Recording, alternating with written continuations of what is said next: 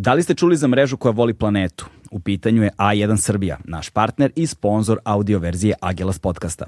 U želji da doprinese smanjenju karbonskog otiska korišćenjem energije iz obnovljivih izvora, kompanija A1 Srbija je postavila 2000 solarnih panela i to je tek početak. Do kraja 2023. godine plan je da se taj broj poveća na 5000, a da se do 2030. sprovede postepeni prelazak na obnovljive izvore energije i dostigne karbonska neutralnost. Bravo!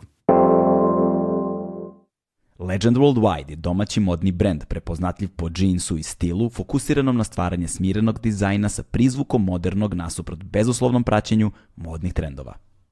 E, sada je došao trenutak da najavim i a, svog a, gosta. U pitanju je dr. Milan Čirković, a, čovek koji je u široj javnosti poznat kao neko ko se aktivno bavi astrobiologijom, inače je doktor astrofizike, a, naučni savjetnik je a, a, astronomske observatorije u Beogradu, a, neko ko je već duži niz godina a, se bavi, s obzirom na to da je astrobiologija i astrofizika jedna multidisciplinarna delatno, jedna multidisciplinarna oblast, a, samim tim čovjek posjetuje ogromna znanja iz najvećeg spektra a, naučnih oblasti i razgovarali smo o svemu i svačemu. Pre, prevashodno smo gledali da targetiramo astrobiologiju kao nauku i kao naučnu disciplinu, multidisciplinarnu dakle, oblast a, za koju je veoma važno da razumemo njene preteče. Kako smo stigli do naučnih saznanja koje imamo danas, kako razumemo sebe i svet oko sebe, koje su to najveće naučne paradigme koje su napravile velike civilizacijske pomere, po, po, pokrete, pomera je i gde se zapravo da nalazimo danas kada je astrobiologija u pitanju,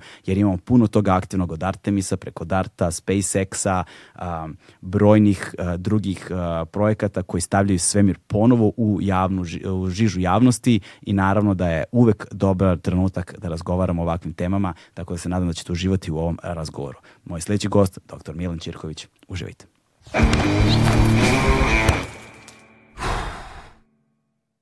Hmm.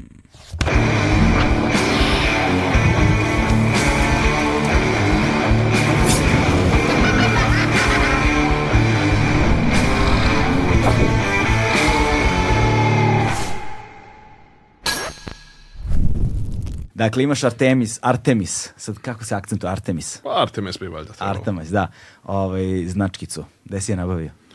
E, doneo je jedan, bio jedan kolega Richard Hoover koji je bio u poseti na proputovanju kroz Beograd pa je između ostalog pošto on jer zaposlen bio dugo vremena radio u nasi par decenija ovaj, mm. stari kolega jedan već sad je emeritus ovaj, pa je onda doneo tako par nekih memorabilija da sjajno sjajno ovaj, šta se desilo oni su odložili ponovo Artemis odložili su zato što je bilo su dva ona pokušaja tokom kojih je došlo do kombinacije, hajde tako da kažemo, kombinacije tehničke i ljudske greške, e, što nažalost je posledica sistematski, ako ćemo sad da ulazimo u tu temu što koja jeste vrlo interesantna, to je posledica nekih odluka koje su donesene dosta davno i koje su dosta nesrećne. Najnesrećnija od svih je ideja da se koristi stari RS-25 raketni motor sa Space Shuttle koji radi na tečni vodonik i tečni kiseonik, takozvani hidroloks.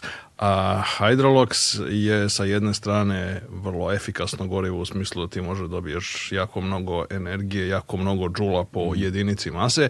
Sa druge strane, ogromna nesreća korišćenja vodonika je to što je vodonik jednostavno ekstremno težak da se logistički uh, na bilo šta radi sa njim, da se transportuje, da se e, drži u rezervaru, da se skladišti, mm. prenosi i tako dalje. I onda je zapravo upravo su bili problemi sa a, tečnim vodonikom i sa nekakvim ventilom koji je omogućavao hlađenje jednog od četiri raketna motora i a, to je nažalost nešto što se već ranije dešavalo na a, e, dakle tokom trajanja Space Shuttle-a, A, bio je slučaj iz 90. godina kada je praktično cele godine su bila odložena sva lansiranja, sva tri ili četiri aktualna u to doba šatla zbog upravo problema sa tečnim vodonikom. A, to je u nekom smislu reči jedna stvar koja je posledica same fizičke hemije i tu nema mnogo pomoći ako se odlučite za to gorivo. Ja mhm. lično ako već govorimo o tome, ovo je zaista zaista preferiram Metalox i ovo što radi SpaceX sa Falcon 9 i sa ovaj, Starshipom koji koristi znači tečni metan na jako niskoj temperaturi i tečni kiselnik. Iz više razloga je to povoljnije, mada doduše vodonična ekonomija kao koncept ima jako mnogo fanova koji nažalost mislim da su ono potpuno na krivom tragu. Mislim među fanove pod navodnicima uključujem, ne znam, bivšeg predsjednika Georgea Busha, onda gomilu drugih ljudi, rukovodioce Evropske unije, mnoge druge koji misle da je tečni vodonik nekakvo buduće gorivo i obično to pravdaju sa dve činjenice koje su svaka za sebe tačna, ali kao i vrlo često u realnosti nam ne govore ništa o suštini problema. Činjenica jedan, vodonik je najčešći element u svemiru, tačno, ima ga praktično malte ne 90% svih atoma u svemiru su atomi vodonika. Svi smo od vodonika.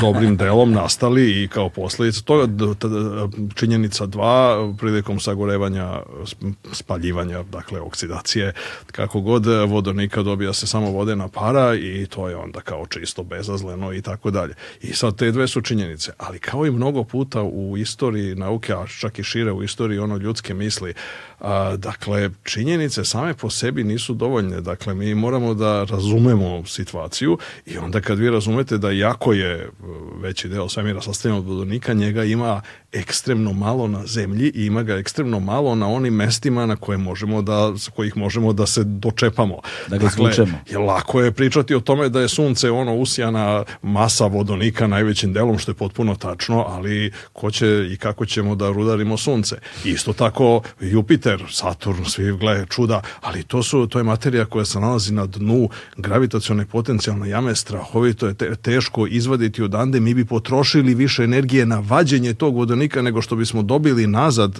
njegovi, njegovim da. sagorevanjem. Dakle, to je užasan problem.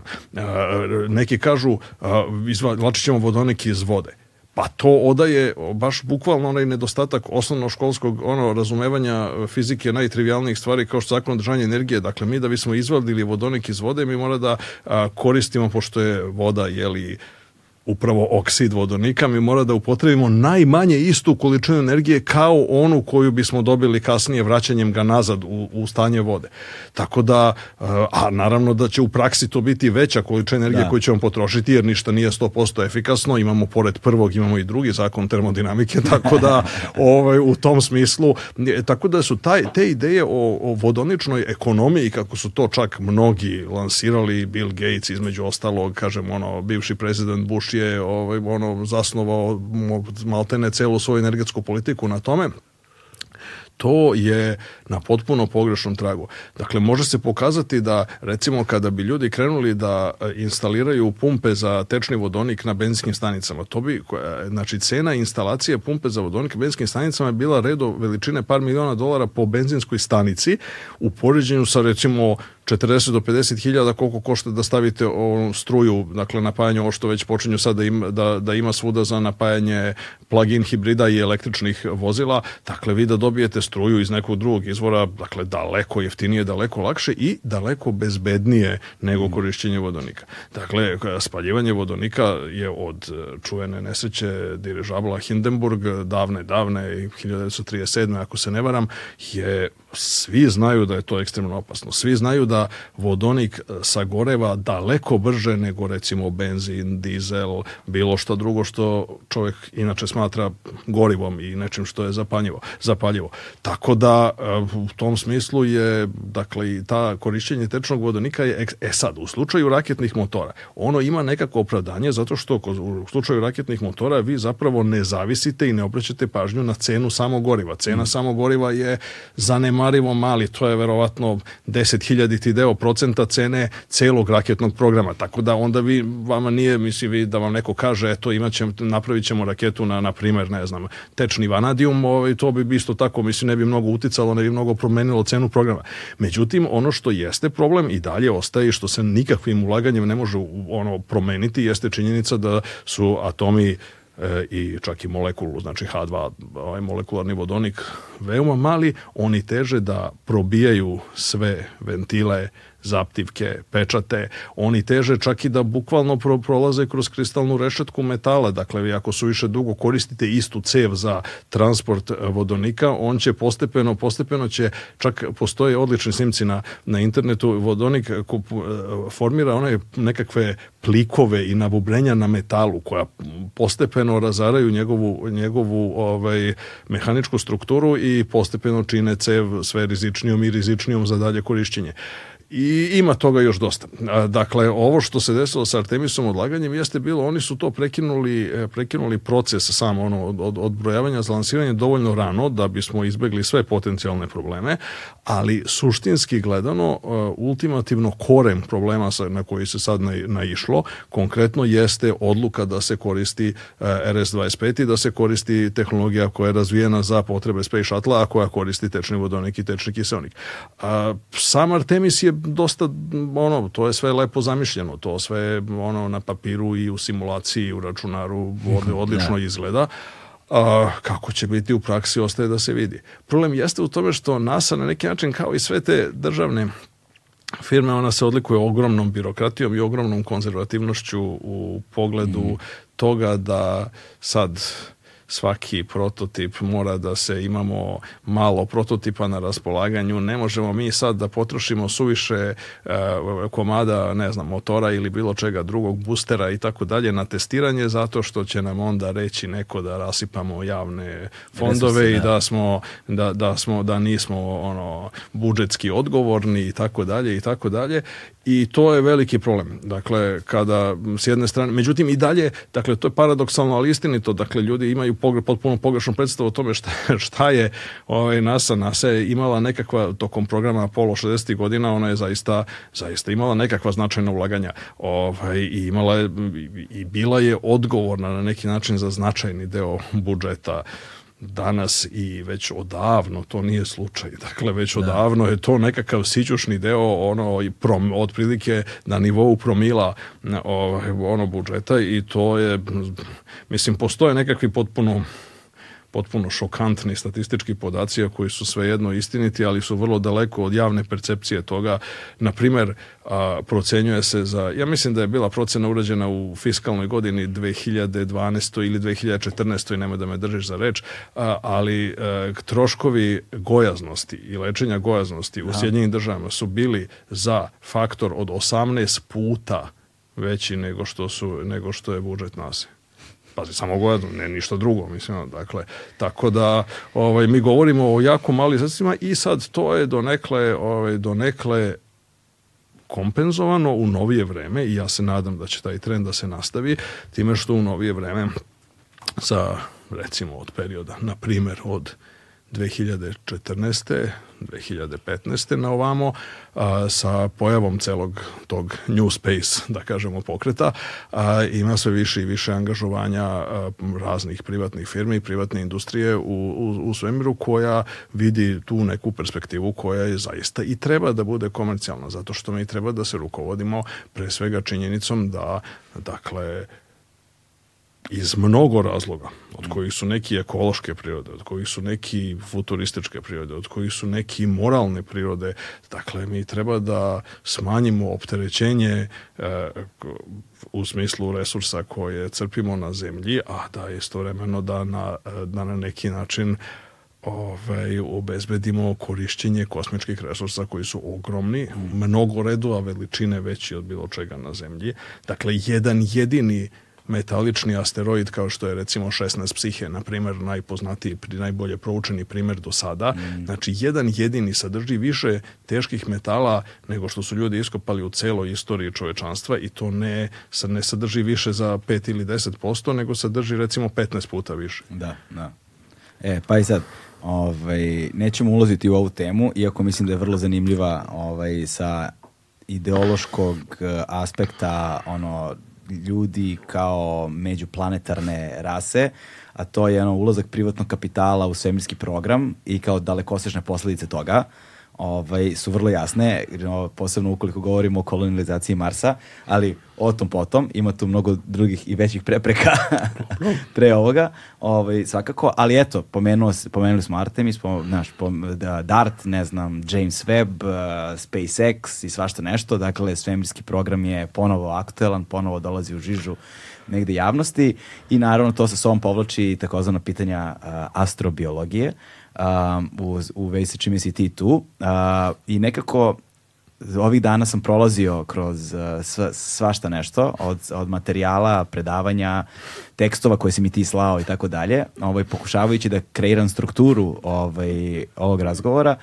I shvatio sam da cijela stvar ipak mora nekako da počne abovo.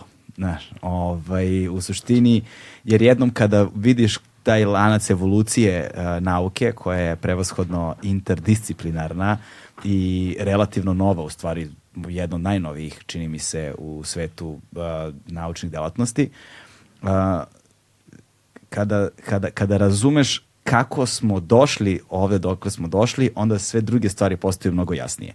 I kada, kada bismo probali da se referišemo na bilo koji astrobiološki tekst, mm -hmm. mi, mi ne možemo, ako ne razumemo a, ono, njegove konstitutivne elemente jel te, koji, koji potiču tamo od epikurejaca na ovamo. Znaš. I to je doslovno tako. I onda se postavlja pitanje koja je veća ulogu koje, koje, koje veći utjecaj izvršio na astrobiologiju. Da li, su to, da li to bio Epikur, da li uh, Holdein, da li Kopernikus, da li Galilei, da li, kako se zvao ovaj uh, renesansni... Huygens. Huygens, tako da. je. Huygens, koji od njih, ono, Znam ko je tvoj najdraži.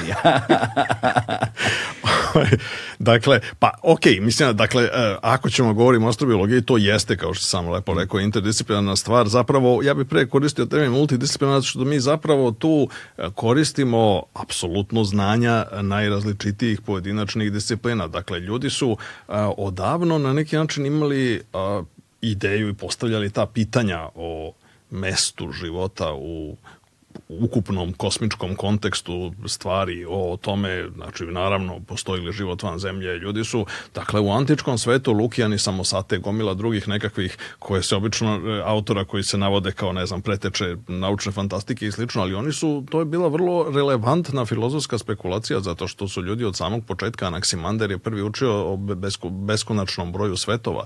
Dakle, svetovi u generalno, na primjer, u antičkoj filozofiji su najčešće percipirani zapravo ono ono što je e, kada, kada neko u antici, mislim, bilo da su u pitanju atomisti, bilo da u pitanju epikurejci kasnije, originalni atomisti, demokriti leuke, bilo kasnije epikurejci, bilo drugi mislioci su pod svetom podrazumevali u suštini nešto što je e, planetski sistem, što je naša planeta i planetski sistem, pošto su oni vrlo jasno razlikovali i bilo je sasvim jasno od samih početaka astronomije da, dakle, imamo tih, e, te lutalice, odakle potiče sam termin planete, dakle, objekte koji imaju drugačije kretanje kretanje na noćnom nebu koje nije isključivo funkcija rotacije naše planete kako se ispostavilo, kako su vrlo brzo ljudi shvatili već Pitagora. Pitagor je bilo jasno da je zemlja okrugla i da se okreće oko svoje, oko svoje osovine i shodno tome imamo prividno kretanje nebeskih tela po nebeskoj sferi.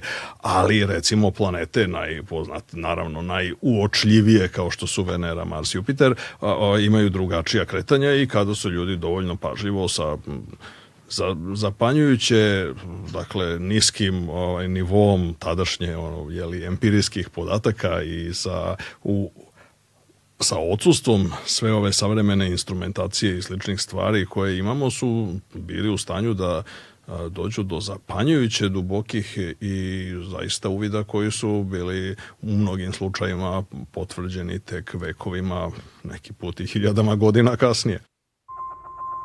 A1 je prvi prijatelj audio izdanja Agelast podcasta.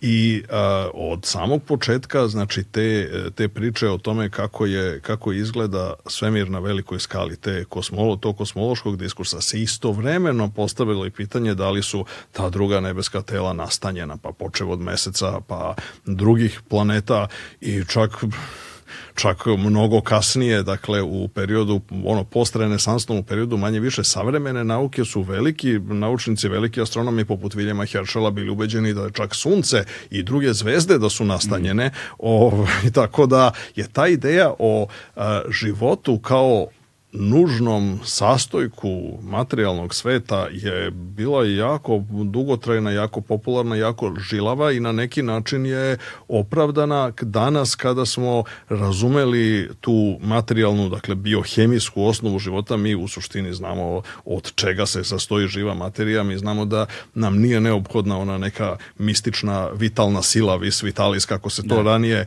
ranije smatralo i da mi zapravo na neki način možemo možemo da, makar načelno, možda ne u svim detaljima, ali načelno da razumemo procese usložnjavanja, nastajanja prvo jednostavnih, posle i sve složenijih oblika života kroz razne ja. Da. evolutivne mehanizme. I sad ti evolutivni mehanizmi koje ćemo mi recimo nazivati ono biološkom evolucijom od Darvina i Valasa i možda malo pre, ne znam, Lamarka a, i tako dalje su zapravo kao što su opet neki mudri ljudi, ali sad već u retrospektivi bili u stanju da uoče, evo recimo da navedemo jedan domaći primer, znači naš veliki, možda najznačajniji filozof Rana Petronijević, koji je između ostalog poznat po tome što je svoje naučne, on je bio i e, po obrazovanju i filozof i paleontolog, imao je čovjek dva doktorata, mislim je bavio se jednim i drugim, pisao je naučne i filozofske tekstove na četiri jezika, što je nešto što bi bio izazov i za ove mnogo savremenije, mnogo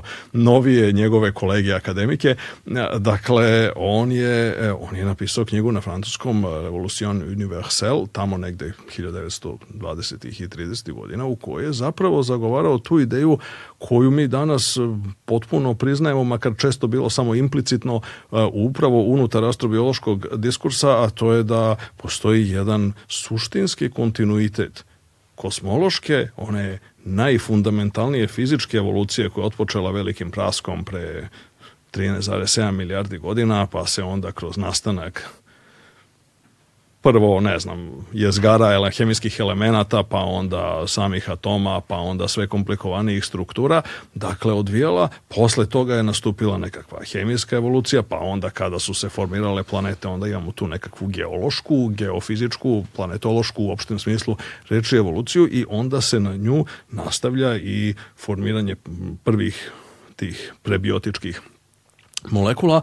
a zatim i njihovo vezivanje, usložnjavanje, njihova diversifikacija i nastanak života ovakav kakav mi poznajemo na zemlji i naravno bez nekakve isključivosti da je to jedini mogući oblik života koji da. možda postoji mi apsolutno čak i nekakvi eksperimenti koje danas možete da radite na računaru recimo numerički eksperimenti pokazuju da mi možemo na primjer da variramo neke stvari možemo da uzmemo jedan element pa da ga zamenimo mm -hmm. nekim drugim i tako dalje i da dobijemo potpuno ekvivalentnu biohemijsku podlogu za nastanak nekakvog drugačijeg oblika života. Da, e, sad, ovaj, ti si sad tu svašta nešto pomenuo, a sad mi to treba da sistematizujemo, jer naš, do toga se nije stiglo tek tako.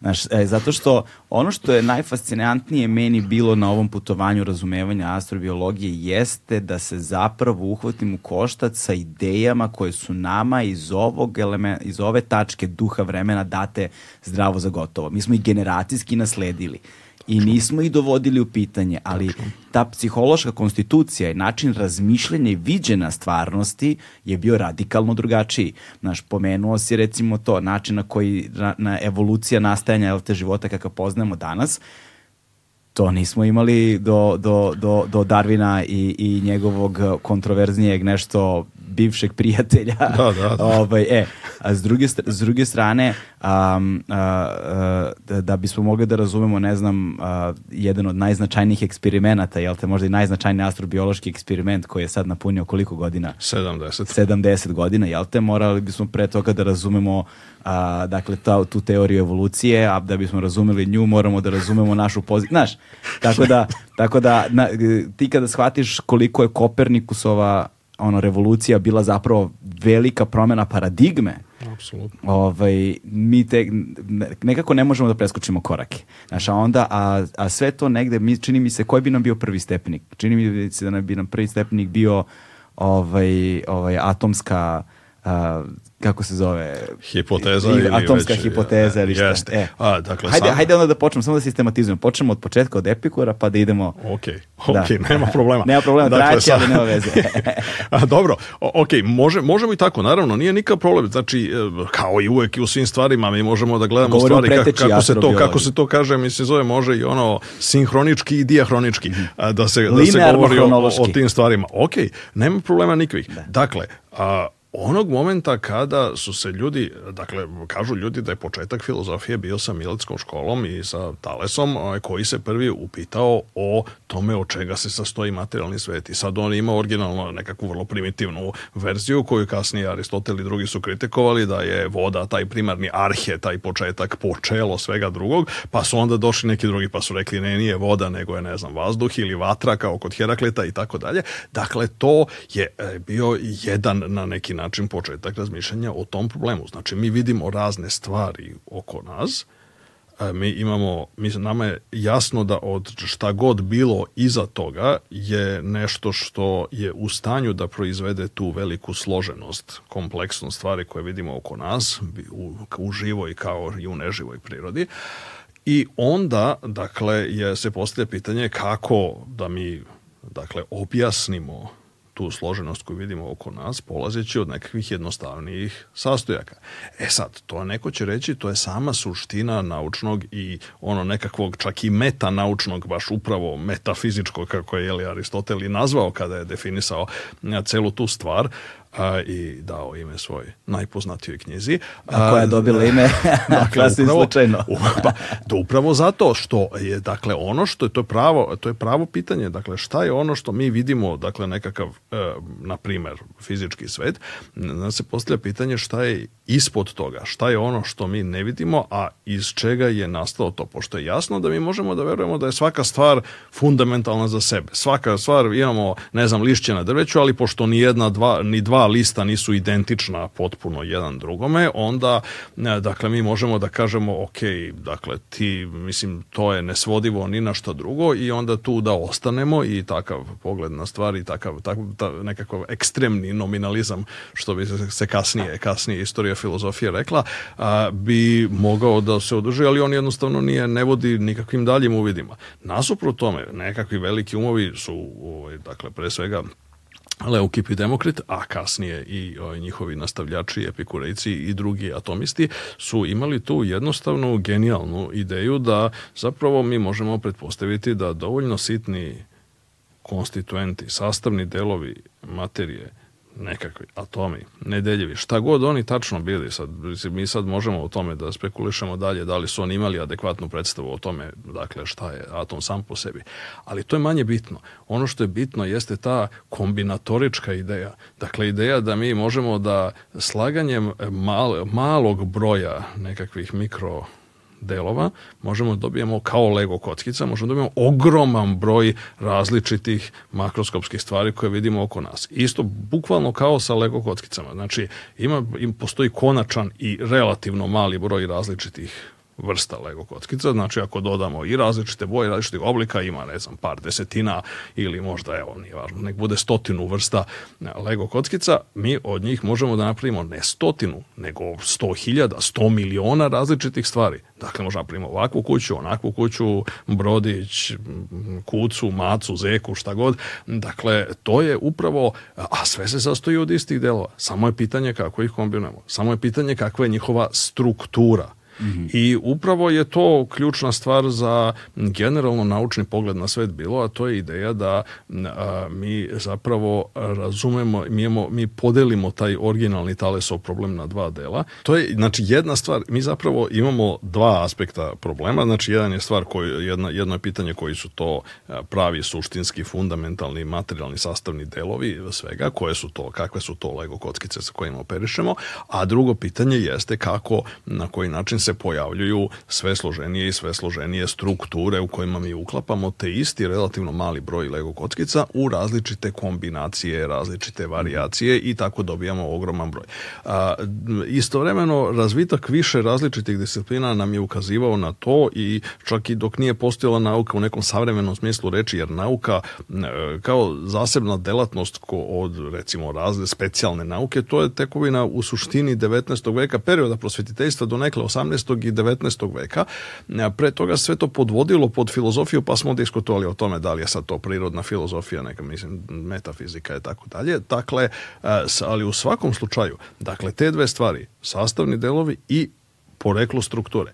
A mi unutar e, našeg razvoja, ogromnog razvoja koji je fizika doživjela u 20. veku pre svega, smo manje više, kao što Feynman kaže, kad bi trebalo da sačuvamo u jednoj rečenici mm. najvažnija stvar, to je najvažnija rečenica bi bila ovaj, da se sve sastoji od atoma. I u tom smislu reči to je nastavak te iste te iste tradicije koja počinje od antičkog sveta, samo što mi sad za razliku od Demokrita i kasnije Epikura a, imamo vrlo jake empirijske dokaze da je to zaista tako i znamo u čega se sastoje sami atomi, da su to nekakvi ono jezgra elektroni, pa sad unutar jezgra imamo elementarne čestice koje se sastoje od kvarkova i kako se nam sada čini, moguće da postoji još jedan nivo strukture ispod, ali nije potrebno da imamo mnogo više nivoa strukture ispod, zato što nam je to dovoljno da objasnimo sve što vidimo oko nas i još mnogo toga dodatnog, zato što jednostavno taj kombinatorički pristup je jako moćan. Zašto je moćan? Pa zato što nam to razvoj matematike sa druge strane, znači kombinatorike e, verovatnoće, statistike, e, pokazao da zapravo mi sa malim brojem elemenata možemo da izgradimo sve moguće i naj najrazličitije stvari o koje, koje smo videli i one koje ćemo tek videti i one koje nećemo videti, ali su mogle da budu tu.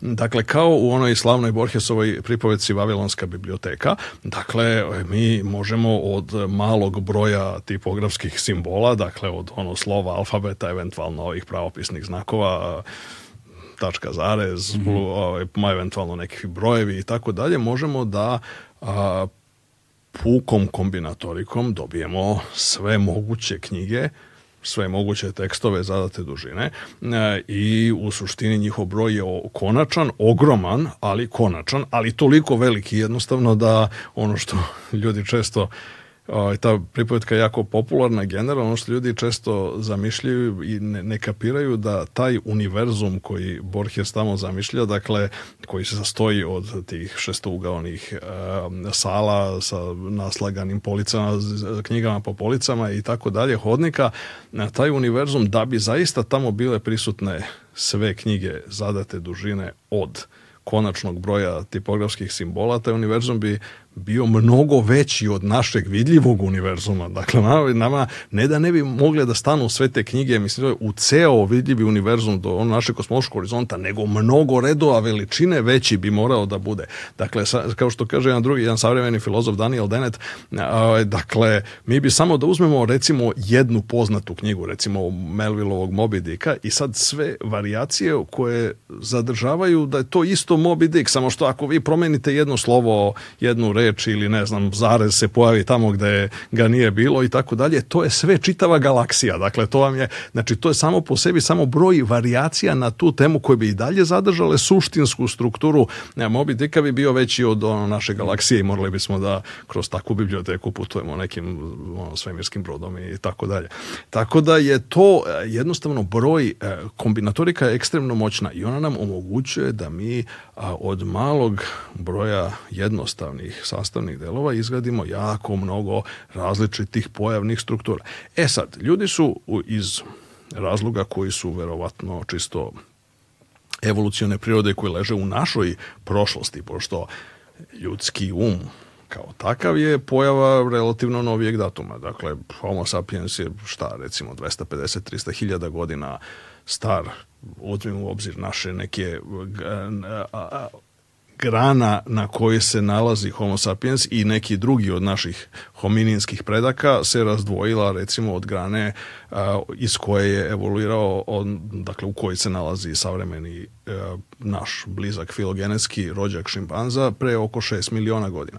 To je jako kratko vreme u poređenju sa istorijom zemlje koja traje 4,5 milijarde godina, život je nastao pre oko 4 milijarde godina, dugo vremena se mislilo 3,8, sada izgleda da je on još stariji. 4,1 sam video. Tako je, to je, naj, to je nekakva najspekulativnija. Ima ljudi koji su skeptični prema tom rezultatu, pošto e, ti ekstremni, ekstremna e, paleobiologija, dakle koja se bavi tim najstarijim prvim tragovima života, ona ne može da identifikuje fosile, čak ni mikrofosile prvih oblika života, nego samo indirektno na osnovu nekakvih hemijskih anomalija, hajde tako da se izrazim, anomalija u prisustvu različitih izotopa, se indirektno za zaključuje da su oni stvoreni e, biogenim putem, odnosno da su to bile nekakvi oblici života rani. Ima ljudi koji su skeptični prema tome i, i dosta opravdano skeptični, ali u svakom slučaju život je nastao jako davno, dakle meri se milijardama godina, a čovek i naš način e, naš nivo inteligencije, naše druge nekakve kognitivne sposobnosti, mentalni fenomeni kakvi povezujemo sa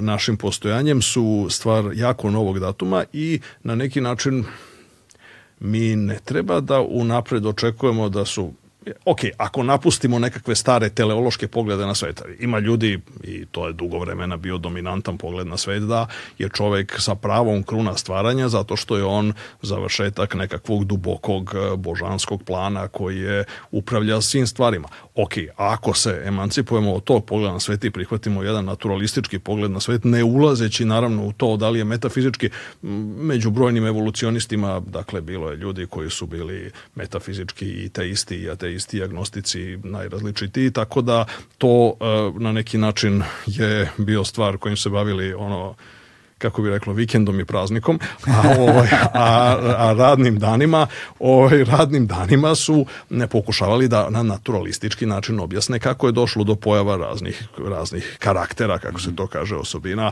živog sveta, uključujući tu i ove naše mentalne i kognitivne karaktere kojima se mi ponosimo. Sad, s jedne strane, mi se ponosimo sa punim pravom, to je nesporno da je čovek ne samo na vrhu lanca iskrane ovaj, sa svu u zemaljskoj biosferi, nego jednostavno po je, na primjer, geografski po geografskoj pokrivenosti od svih značajnih, od svih dakle, makroskopskih, da kažemo, živih, živih bića najrasprostranjeniji, ima nas daleko više nego bilo kog od naših ko, srodnika, sisara. Ko je rekao Beše, ovaj, a, ako Bog postoji, očigledno gaji beskrajnu ljubav prema insektima. Jasno, to je, to je Holding rekao, zato što, zato što je on ovaj, a, zaključio da jednostavno ako gledamo po broju vrsta, onda zaista po broju vrsta među a, dakle, e, makroskopskim životinjama, među onima što se zove metazoa, dakle, a, e, su insekti najzastupljeniji u pogledu broja vrsta, verovatno i u pogledu broja individua,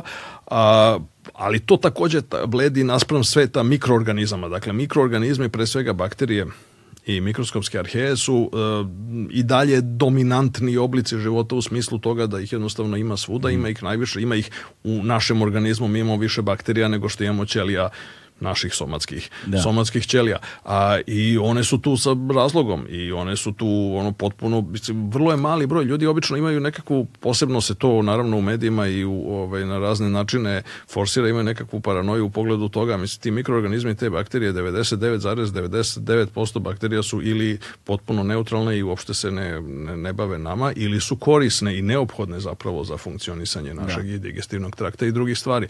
A, one su neophodne za gomilu drugih stvari koje su na kraju krajeva za sama činjenica da Sama činjenica recimo da mi sad sedimo ovde i dišemo je nešto što je na prvi pogled potpuno neočekivano i šokantno. E, naime, e, dakle, ceo kiseonik, slobodni kiseonik koji se nalazi u atmosferi zemlje su stvorila živa bića. Pre svega takozvane cijanobakterije, odnosno fotosintetički mikroorganizmi koji su živali pre oko između 2 i 3 milijarde godina pre sadašnjosti i oni su e, u jednom periodu koji je doživeo kulminaciju oko 2,7-2,5 milijardi godina pre ovog, e, te, ovog trenutka su na neki način pobedili u velikom ratu koji su mhm. vodili sa njihovim konkurentima, isto mikroorganizmima koje zovemo metanogeni, e, koji su činili, koji su pre toga bili dominantni, činili da je zemljina atmosfera prethodno bila, e, u zemlji je prethodno dominirao metan, CH4, jedan od najznačajnijih molekula generalno u univerzumu, ali onda su oni bili, metanogeni su anaerobni organizmi za koje je kiseonik e, ne samo nepotreban, nego i opasan, i onda je bio jednostavno jedan neprekidni, dugotrajni sukob mm -hmm. između, između fotosintetskih cijanobakterija i metanogena koji se završio pobedom cijanobakterija i činjenicom da od tada imamo jako veliku količinu slobodnog kiselnika u zemlji atmosferi, što je uzrebu rečeno jako jako relevantno za savremenu astrobiologiju, zato što je jedna od prvih stvari koju mi radimo kada a, pokušamo da a, sagledamo sa daljine nekakve takozvane biosignature, odnosno znake potencijalnog života negde drugde, jeste da vidimo da li u atmosferi ekstrasolarnih planeta a, postoji, na primjer, slobodan kiseonik. Jer slobodan kiseonik je ekstremno neobična stvar a, i zašto? Zato što je u pitanju agresivan element koji je zapravo zapravo hemijski gledano to je drugi naj agresivniji, najopasniji element u periodnom sistemu elemenata, posle flora. E, samo, samo što za razliku od flora, koga ima jako malo i uvek je sav vezan u jedinjenjima, kiselnika ima jako mnogo generalno i e, postoji u slobodnoj formi kao što zahvaljujući tome mi postojimo ovde Ali ceo taj prostor mogućih struktura i tu se opet vraćam na, na, na ovu atomističku priču je omogućen tako što se desi nešto, desi se nekakav ključni korak kao što je na primjer bila ta veliki kiseonički događaj kako ga zovu i onda se otvori novi prostor, novi deo tog prostora dizajna gde se mogu pojaviti potpuno nove strukture kao što su recimo životinje uključujući i nas same. I to je veoma taj to je deo jednako sa jedne strane imamo kontinuitet Dakle, imamo kontinuitet, na primer, sastavnih delova, dakle, atoma, molekula tih stvari, a sa druge strane imamo diskontinuitet toga da se povremeno dođe do nekakvog e, faznog prelaza, kako bi to kolege fizičari rekli, do dramatičnog otvaranja novog prostora gde će priroda, evolucija, kako god to nazovemo, nije važno, Božja promisao, ako se to nekome baš više dopada, ovaj moći da eksperimentiše sa novim formama i novim strukturama. Da. I to je e, na neki način, e, na, e, to, je, to je jedna sinteza, jer ljudi su ranije uvek imali tu, tu uvek su imali tu, tu sukob, tu svađu, dihotomiju, to sad diskretum versus kontinuum, ono, da li je, ono, da li se ta, sad, da li su to neki skokovi ili je to postepeno po, la, lagani a mi znamo da je danas, znamo zaista da je to i jedno i drugo. I to je unogome tekovina upravo astrobiologije, a jednim delom i onog tog nekakvog tog nekakvog nagomilavanja stvari, tih nekih stvari koje su bile preteča astrobiološkog mišljenja, pa su onda ljudi shvatili, na primer, da bilo je popularno, u 18. veku bilo je popularno tvrditi da je u prošlosti bilo mnogo katastrofa koje su formirale, je li između ostalog i žneživi i živi svet na zemlji, su uticala nekakve, oni su originalno, ti ljudi su verovatno bili motivisani pokušajima da se objasni recimo biblijski potop, ali se ta originalno van naučna motivacija postepeno izgubila i ljudi su shvatili da u potpuno naturalističkom pogledu na svet mi takođe očekujemo da je istorija zemlje bila mnogo dramatičnija da. u prošlosti nego što je danas. Mnogo veći su bili sudari, ne znam, sa asteroidima, onim otpacima od formiranja sunčevog sistema, mnogo dramatičnije stvari su se dešavale ranije, a onda je postepeno, dakle, ta neka gostoljubivost ili kako bismo danas modernim terminom rekli u astrobiologiji nastanjivost se podigla na viši nivo i ustalila i onda imamo situaciju kako imamo, a to je da je zemlj, zemlja, odnosno zemaljska biosfera jedan vrlo gostoljubiv i nastanjiv sistem koji mi onda danas koristimo kao neku vrstu prototipa ili modela za e. potragu e, za drugim. E sad, tu to je ono, sad se vraćamo nazad na Epikura, jel te? E, vrlo važno, zato što Dakle, pomenuo si uh, kiseonik, jel te, kao jedan veoma agresivan element, ali da, bi se, da bismo zapravo razumeli kako nastaje život, mi moramo da razumemo kako nastaju ti osnovni elementi, ono, aminokiseline, masne kiseline i tako dalje, a da bi to moglo da nastane, zapravo kiselnika ne sme da bude. Tačno, da, tačno. da, i ovaj, e, što, nam, što nas on opet vraća, jel te, unazad na tu sliku sveta, načina razumevanja života, šta zapravo život uopšte znači, kako definišemo život, na koji način, a, šta nam je referentna vrednost u odnosu na koju ćemo uopšte da merimo da li je nešto ne samo nastanjivo, nego da li života može ili ne može da bude, koji može da bude radikalno drugačiji od onoga što mi razumemo svakako. Metan si pomenuo u tom slučaju, prvo mi pa na pamet pada Titan, jel te? Naš, ali dakle, pre, da bismo uopšte stigli do svega toga, da bismo stigli do Fermijevog paradoksa, da bismo stigli do svega toga, mi moramo zapravo da završiti prvo sa atomima. Dakle, atom znači onaj koji ne može da bude deljiv, da se dalje, deli, da se deli i ovaj a, a, ono što kako kaže i ono što je meni zanimljivo u toj definiciji ne samo najmanjeg mogućeg elementa koji nije deljiv na dalje elemente, nego mi je zanimljivo i razumevanje zapravo praznog prostora unutar toga. Da, tačno. I, i kako kaže definicija, ona, slatko je slatko, Jeste, to je, to je najčuveniji e, fragment. Mislim, veliki problem sa prvo antičkim misliocima, da. pogotovo tim koji su bili baš izrazito materialističke, a, e, a, materialističke orijentacije, kao što su bili atomisti. E, je, jeste što mi nemamo sačuvane njihova dela u celini. A, uglavnom, najvećim delom. A, od Demokrita i njegovog učitelja Leuke, pa imamo samo niz fragmenta od kojih je taj upravo koji, na koji sad aludirao najpoznatiji kada on kaže otprilike, sad mm, otprilike ću parafrazirati, eto, ljudi kažu imamo toplo i hladno, ne znam, noć i dan, kiselo i ljuto, slatko i ne znam, kiselo i tako dalje, najrazličitije te neke, neke e, e, čulne nadražaje koji proističu iz našeg, našeg čulne interakcije svetom oko nas. Znači, on nabraja nekoliko tih opozicija A onda kaže, a u stvari su sve atomi i praznina. A, dakle, i to je ta suštinski genijalna ideja. Dakle, da kombinacijom relativno malog broja mikroskopskih sastojaka mi možemo da, znači, svo to ogromno bogatstvo, sav taj diverzitet, svu tu raznovrsnost, svu tu živopisnost naših čulnih utisaka reprodukujemo na osnovu različitih kombinacija tog malog broja malog broja mikroskopskih sastavnih delova. A, I to ta ideja, dakle, da se atomi kreću kao nekakvi mehanički mali, recimo zamislimo ih kao bilijarske lopte, znači oni se kreću kroz prazan prostor i zanemarimo sad za moment ono recimo a, sad interakciju bilijarskih lopti sa vazduhom ili sa onom podlogom, sa onom čojom, dakle zamislimo samo da imamo abstraktni svet bilijarskih lopti, oni se kreću, neke se kreću jako mnogo, neki se ostaju relativno blizu svog početnog položaja i u suštini to je jedna taj, ajde da kažemo, prva nekakva mehanička ili mehanicistička zapravo slika sveta koja je bila originalno u, e, u ovaj, demokritovom originalnom atomizmu. Ono što je veoma interesantno jeste da Epikur nakon toga, dodao, ono, par vekova kasnije, dodao jedan element koji je potpuno fascinantan po svojoj ovaj, dalekovidosti i ingenioznosti, a on je rekao, ok, ne samo da se oni kreću tako pod utjecama ako deluje neka sila, nego postoji, a, po neki put se desi da oni sami bez ikakvog razloga skrenu sa svoje putanje ili nešto se desi, taj, ne, nešto taj, taj svrv, kako bi se ne. reklo, upravo to, znači neka vibracija, što je u suštini nešto što je a, zapanjujuće bilo ispred svog vremena i pošto mi danas u savremenom svetu, mo savremene fizike, posebno u svetu od jeli, te kvantne revolucije iz 1910. i 20. godina, razumemo da je upravo to ono što se dešava. Znači, postoji to jedno, kako to jeli, kolege fizičari kažu, ireducibilno, dakle, E, slučajno stohastičko ponašanje mikrosistema koje mi ne možemo da sad svedemo na nekakve druge stvari da mi kažemo ok, to je samo zato što mi ne razumemo dovoljno, nego je to ono što je samo po sebi, takva je priroda sama po sebi.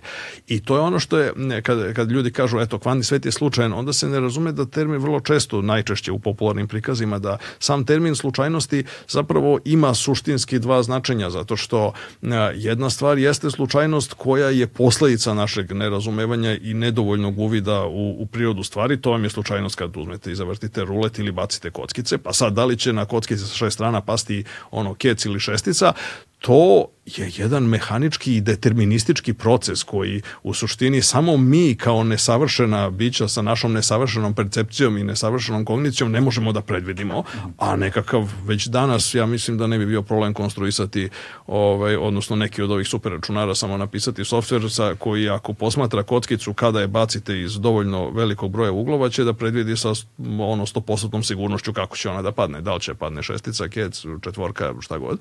A, ovaj, prave, tako isto i za rulet i za sve ove klasične modele slučajnosti koje su ljudi koristili. Da. Svi ti, sve te stvari su nekakvi e, makroskopski sistemi koji su dovoljno dobro opisani determinističkim modelima e, i to je potpuno različito od slučajnosti na e, mikroskopskom kvantnom nivou koja je kako po našim najboljim saznanjima, a evo i po ovoj trojici gospode koji su ove godine dobili Nobelovu nagradu za fiziku upravo za te stvari, Ta stvar je suštinski slučajna.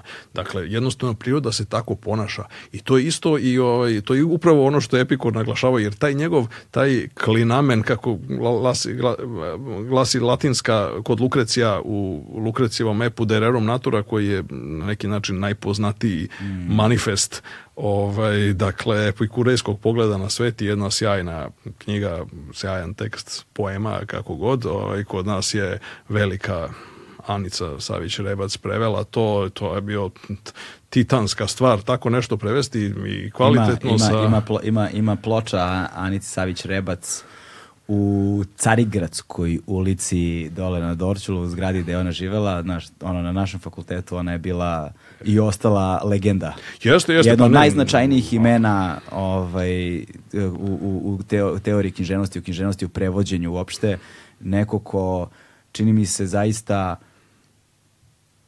Pa neopravdano bi bilo ovaj bi bio kako bi znaš nekako ne, ne, mogu, ne mogu dovoljno da naglasim koliko je zapostavljena u, u javnom prostoru ona. Naš, Apsolutno. Ti, da. Naša stvarnost iz razno raznih razloga, mislim, koji su verovatno za neku, nared, neku narednu ovaj, epizodu, ovaj, u, iz razno raznih razloga mi smo zapostavili gomilu ovaj, velikih ljudi i posebno tih ljudi koji su imali izraziti taj prosvetiteljski mm. naboj, da se tako izrazim.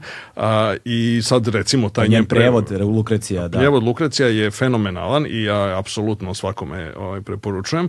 E, I onaj, on je i pesnički, on zadržao je, taj, tu, zadržao je tu jednu, jednu poetiku njegovu duboku, a istovremeno je i preneo one relevantne filozofske sadržaje koji su zapravo bili glavna stvar, jer a, dakle tamo a, u kod Lukrecija, dakle on kaže eksplicitno da e, sad taj, taj, e, to, to slučajno odstupanje atoma od njegovog pravolinijskog kretanja, njegovog što bi rekli kasnije, jeli posle Njutna, njegovog kretanja po inerciji, e, ne treba tragati ne za nekim posebnim objašnjenjem toga, jer to je jednostavno, to je primitivan fenomen, to je ono što se nalazi u, dakle, to su ono na najnižem nivou, ali on nam omogućuje, on ima ogromnu objašnjavalačku eksplanatornu moć koji nam omogućuje da rekonstruišemo čitavni stvari koje vidimo oko nas i koje možda nekakav potpuno deterministički model gde se sve kreće kao ono klasične bilijarske kugle ne bi mogao zapravo da rekonstruiše. I to je upravo bila kasnije i naravno ono što današnja savremena kvantna, kvantno-fizička slika sveta ove, ovaj, takođe uključuje. E sad, dakle, kad smo jednom to tu stvar postavili na naturalističke, e, materijalne, atomističke nivoje, onda možemo da postavimo opravdano pitanje koliko i kakve kompleksne strukture možemo od tih atoma da sastavimo. I između ostalog ideja e, već, kažem, antičkih atomista koja jeste bila revolucionarna u tom smislu i na neki način je bilo jako teško testirati je sve do mnogo vekova kasnije, je bila da jednostavno sve što vidimo oko nas, uključujući nekakve neku, recimo, potpuno nespornu, neživu prirodu kao što je nekakva stena, kao što je mislim ono voda u moru, kao što su druge neke stvari, a isto tako kao i veoma kompleksne stvari kao što su živa bića, drveće, cveće, životinje i ultimativno ljudi se takođe sastoje od istih tih atoma, znači imaju taj kontinuitet između jeli, nežive i žive prirode. I ta ideja kontinuiteta je zapravo ono što je najdragocenije nasleđe, recimo u, to, u ovom smislu baš epikurejske filozofije, a onda naravno po ekstenziji i ove antičke misli generalno. Mm, e, ovaj, hajde da sada skočimo malo unapred, ovaj, prosto da, što bismo, da, da poznacimo znacima navoda pretrčimo kroz te, tu preteču astrobiologije da bismo mogli zapravo sa nekim elementarnim predznanjem da govorimo o kompleksnim a, temama. Um, a, ono što je pored razumevanja strukture sveta, a, života pre svega, a, važno jeste da razumemo i svoju poziciju i razumevanje univerzuma a, tu dolazimo do Kopernikusa, jel te, nužno i važno i mislim da e, prepuštam ti reč. Apsolutno, da. to je najveća revolucija u e, ljudskoj misli, znači ne samo u kontekstu nauke i mislim sumnjivo je da li možemo govoriti da je bila u kontekstu nauke, da. pošto mi govorimo to iz retrospektive, ali zapravo nauka tada kao koncept nije postojala. E, dakle, to je bila najveća revolucija u našem načinu mišljenja ikada. I to su se slagali svi ljudi, znači ono i što bi rekli i zagovornici i protivnici, to oko toga manje više postoji jasan konsenzus. Mm. A, suštinska poenta kad mi se odmaknemo, znači ona je, to je otpočelo, nominalno otpočelo sa 1543. sa objavljivanjem Kopernikovog dela, jeli, de revolucionibus orbium celestum, odnosno o revolucijama nebeskih tela, odnosno o kretanjima nebeskih tela oko sunca. E sad, sam taj naslov je definisao reč revolucija, zato što ona je eh, bila korišćena isključivo kao tehnički astronomski termin, kao i gomila drugih stvari, ljudi vrlo često ne znaju koliko stvari koje koristimo u svakodnevnom životu su originalno bili vrlo egzotični, upravo astronomski termini, e, recimo revolucija jedan od njih, fotografija je drugi, da. na primjer, i tako dalje. Ove, ovaj, ima, ih, ima još dosta primjera. E, dakle, e, ideja o tome da se tela kreću oko sunca u Kopernikovom slučaju, a ne kao što su Aristotel Ptolomej i drugi ovi, ovaj, geocentristi, e, tvrdili da je zemlja u središtu svega i sad u okviru stare Aristotelove fizike to je imalo jedno ako prihvatimo njena načela, jedno dosta dobro utemeljenje i opravdanje, pošto je Aristotel učio jeli, da sva tela teže da zauzmu svoj prirodni položaj i da je onda postoji jedan jedinstveni prirodni položaj u univerzumu gde kak, kome teže sva tela, to je središte zemlje i zbog toga sva tela padaju ka središtu zemlje i zbog toga mi osjećamo silu teže i, i čitav niz zbog toga zemlja ima okrugli oblik, pošto je lopta nešto što gde najviše stvari može da se konformira sa oblikom lopte, a da budu ona naj, najbliže centru i tako dalje. Znači, ovi Aristotelovci su u periodu jeli, skolastike srednjeg veka i tako dalje, naročito nakon ponovnog otkrića, da kažemo tako, koje su, ove, za koje su odgovorni recimo Albertus Magnus i, i Toma Akvinski i još neki, mm. a, još neki srednjevekovni mislioci, dakle, ponovnog otkrića Aristotela, onda su oni razvijali čitav niz objašnjenja unutar Aristotelove fizike. Ali se je pokazalo da ta objašnjenja zapravo kako bi se reklo danas ovaj, ne piju vode. Recimo, najbolji primer je onaj koji je Galilej a, kao jedan od ključnih revolucionara, da kažemo, tog doba ovaj, shvatio jeste da Aristotel je tvrdio u skladu sa nekakvim na, naivnim svakodnevnim iskustvom da teža, teška tela padaju brzo, a laka tela padaju sporije.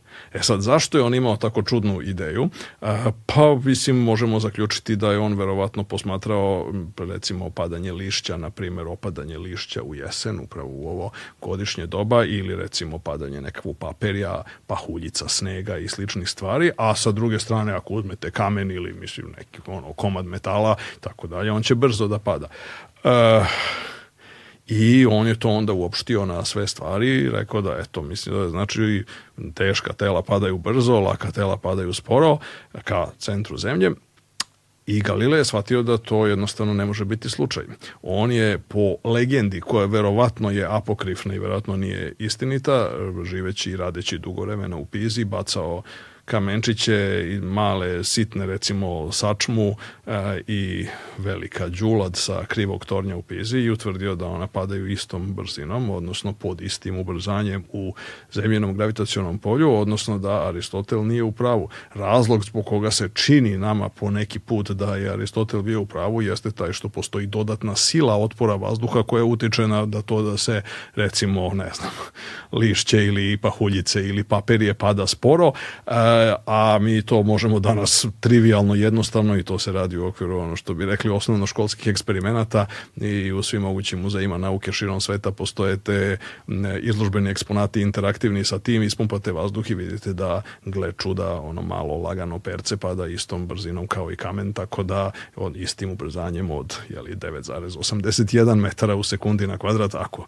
smo blizu ove, ovaj, nivoa mora, tako da je tako da je, e sad ono što je ono što je međutim bila i epistemološka revolucija u tome jeste što, makar i da nije bacao zaista E, objekte sa krivog tornja, e, Galileo je sigurno vrši eksperimente sa kotrljenjem recimo različitih loptica niz strmu ravan, znači različite mase, različitog ono, hemijskog sastava, boje, kakvog god sekundarnog kvaliteta i ustanovio da gle čuda svi, sve se kotrljaju istim ubrzanjem. E, ono što je međutim još zanimljivije jeste da on znao da je to istina i pre nego što je izvršio eksperiment, naime on je izvršio misaoni eksperiment u kome je pokazao na spektakularan način, to je jedan od najvažnijih trenutaka u, u, u istoriji ljudske misli da je zapravo Aristotel mora biti u krivu. On je jednostavno zamislio da imamo jedno lagano telo i jedno teško telo.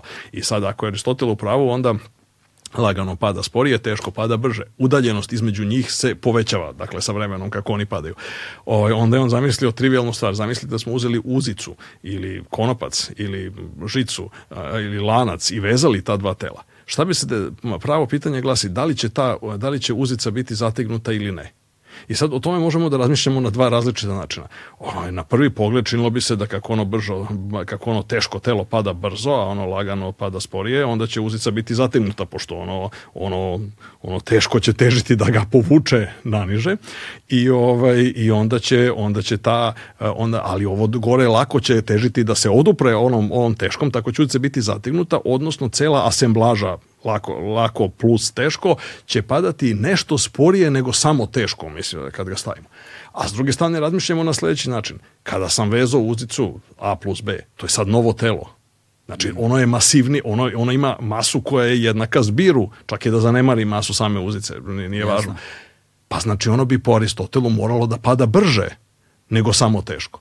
Pa kako može istovremeno da pada i sporije i brže, Pa ne može, osim, samo u jednom slučaju, ako svi padaju zapravo istom brzinom. I ako sva tela imaju univerzalno gravitacijono ubrzanje, odnosno ako je Aristotel bio u krivu.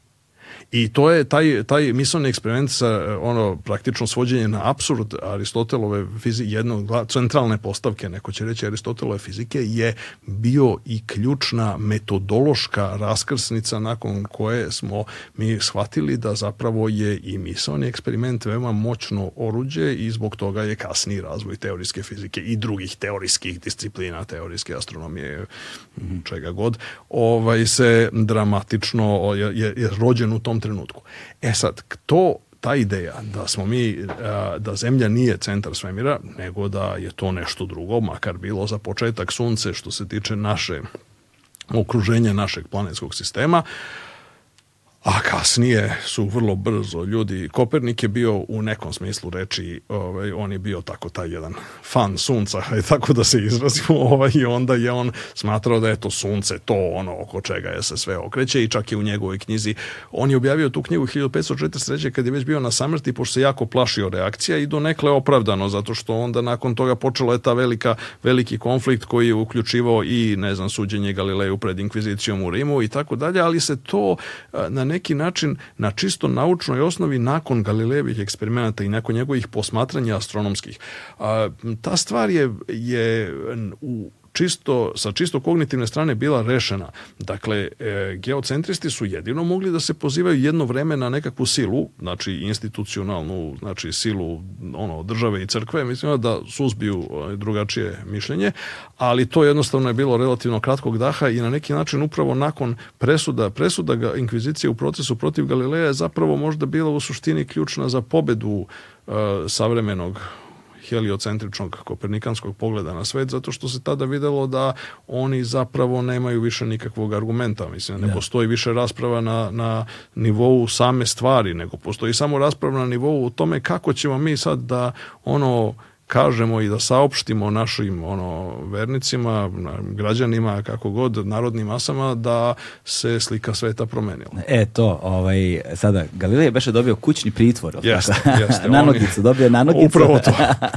ovaj, ali ono što je meni bilo fascinantno uh, kod Galileja jeste zapravo i um, priroda njegovog karaktera. Znaš, priroda njegovog karaktera zapravo, jer da on nije bio takav šmeker tvrdoglavi ovaj, sprema na rizik, ne bismo mi to imali, znaš. To je, to je jako interesantno. On je ja. Da. sa jedne strane ovaj, bio tako, mislim, zove, znači čovjek ono, pobunjenik i čovjek protiv ustaljenih svatanja i tako dalje. Sa druge strane, on je bio i dosta dobro integrisan u to renesansno društvo svog doba. Mislim, on je imao jako uticajne prijatelje. Na kraju krajeva, on je od ljudi kao što je bio Vojvoda Kozimo Medici je dobio, recimo, sredstva za, pa zato on i nazvao ove ovaj, Galileve satelite koje mi danas zovemo Galileve satelitima, on ih je nazvao Medici Hokejske zvezde po, jeli, da, ovaj, da se zahvali svom sponzoru, donatoru uglavnom, ovaj, tada on je bio, on je imao prijatelje i među eh, visokim funkcionerima, kardinalima Rimokatoličke crkve koji su ga upozoravali vrlo prijateljski, mislim, u nekim slučajima da zapravo, mislim, nije to, čak mu je bilo onako stavljeno do znanja mm, relativno ono prijateljski blago da bi mogao, mislim, ok je to sve što on radi, mislim, da i to sad sve, ali mogao bi da napiše nekakav relativno pomirljivi ono kao ovaj tekst u kojem bi rekao, ok, mislim, to je najbolje objašnjenje stvari koje vidimo, ali opet ne pretendujemo da je to ono što je realno. I tu nalazimo do vrlo bitne stavke, koja nažalost je aktualna i danas pod malo drugačijim okolnostima, i u doba Galileja, a boga mi u današnje doba dok ta doktrina koja se ono, pojednostavljeno govoreći, ja sad znam da to sad neki filozofi će da vrisnu ovaj, kad to kažem, ali pojednostavljeno govoreći se može nazvati realizmom ili naučnim realizmom. Nažalost ima jako mnogo protivnika i danas kao što imalo u doba Galileja. Ne, I sama strategija inkvizicije na suđenju Galileu, strategija njegovih tužilaca je iš, nije išla za tim da kaže ne, to što ti kažeš je gluposti i mislim nećemo da preuzimamo u obzir i ti si pogrešio i tako dalje. Nije bila u to da kaže vidite ti si glup i ono, ne znaš o čemu pričaš i ne, nego su oni išli za tim da razdvoje čisto empirijski plan naučnog istraživanja od onog e, e, što se odnosi na stvarnost i realnost. Oni su njemu rekli, ok, ako ti prihvatiš ideju da se da priznaš da ovo što ti radiš mislim ono je ok, to nam daje neka objašnjenja, ne znam, daje nam mogućnost da bolje predvidimo pomračenja sunca, meseca, kretanje prividno planeta, to je super i nema problema, mi niko ne. Ali nemoj da tvrdiš da je to stvarnost i da je tako uređene stvari, jer se zna ko je odgovoran za stvarnost, odnosno mi ćemo o tome šta je realno doneti zaključak na osnovu tumačenja svetih knjiga, egzegeze, svetih spisa, ne znam, sabora, crkve, proklamacija pape, ekskatedra i tako dalje. A taj, e, taj e, razdvajanje naučne aktivnosti i hajde da kažemo empirijskog istraživanja od realnosti je jedna stvar koja se nažalost nije završila sa bilo bi lepo da se završila sa ovaj, Kopernikanskom revolucijom i sa suđenjem Galilejem, nažalost nije se završila ni danas i mi danas imamo primere najrazličitije na svim delovima kulturnog, političkog, kako god ćeš spektra. Imamo primere ljudi koji odbijaju da prihvate da koji prihvataju do nekle rezultate naučnih ono ali odbijaju da prihvate da se oni odnose na realnost i da je to e bilo da je u pitanju ne znam negiranje efikasnosti vakcina, bilo da u pitanju negiranje globalnog zagrevanja ili u pitanju, ne znam, skepticizam i strah i fobija od eh, GMO organizama u gomili drugih stvari se ili je u pitanju nekakav ekomisticizam i e, eko-hipsterizam, mislim da je sad ono kao, eto sad, znači majka Gaja, mislim, zove nam je kaže da je ugrožena i tako dalje, ona nam govori drveće, nam peva i tako dalje, nije, ono, ima, ima toga na svim stranama, dakle, e, i to je, e, to je, to je veliki problem. Dakle, ljudi, e, e dakle, na neki način ta doktrina naučnog realizma je iz nekih razloga koje možemo da diskutujemo, koji su više nekakve istorijske i sociološke prirode, je izaziva strahoviti otpor u mnogim mm. krugovima da. i mnogi ljudi jednostavno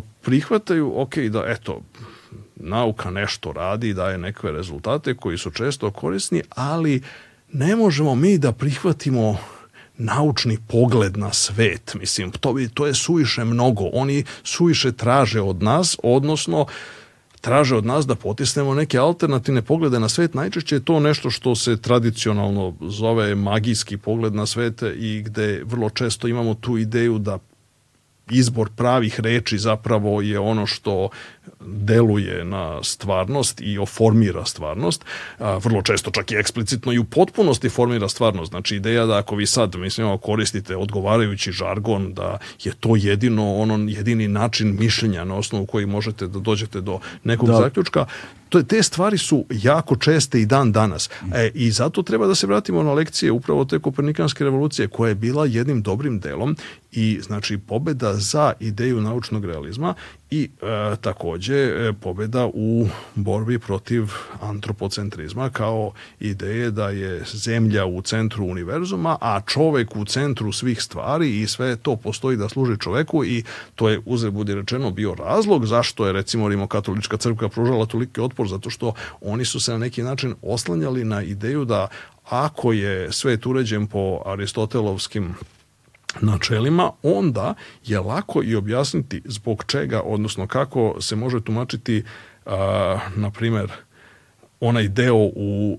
e, biblijskoj knjizi Postanja gde se kaže da je eto Bog stvorio čoveka mislim na kraju svega i da mu je poverio da starateljstvo i da je ga rekao eto rađajte i množite ja. Da. se i tako dalje i ono jedite biljke životinje i ostalo e, i to je to je sve vaše a e, to je istovremeno ta vrsta antropocentrizma koji imamo na svakom koraku danas. Institucije ljudske su i dalje velikim delom, možda ne toliko kao u doba inkvizicije, ali velikim delom antropocentrične i dalje i onda samim tim imamo slučajeve da vrlo često neke stvari nailaze na iracionalni otpor, na primer zalaganje za prava životinja, mislim da nailazi na iracionalni otpor koji upravo potiče od ukorenjenog antropocentrizma i od antropocentrizma u ljudskim institucijama. Yeah.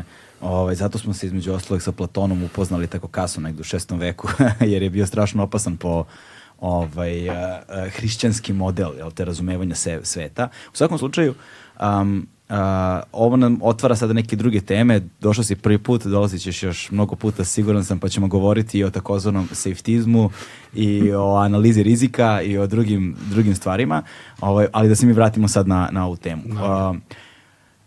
Kopernikus, potom i Galilei, jel te, učinili su to, je, to su te ono, to je mesto da možemo zabodemo civilizacijsku zastavicu da kažemo od ovog trenutka smo skrenuli radikalno u krenuli u drugom smeru i promenila se u potpunosti psihološka kon, konstitucija čoveka kao takvog, načina na koji razumemo sebe i sve oko sebe i te ideje su nužno uplovile onda i u ostale aspekte naših života, prevashodno umetnost.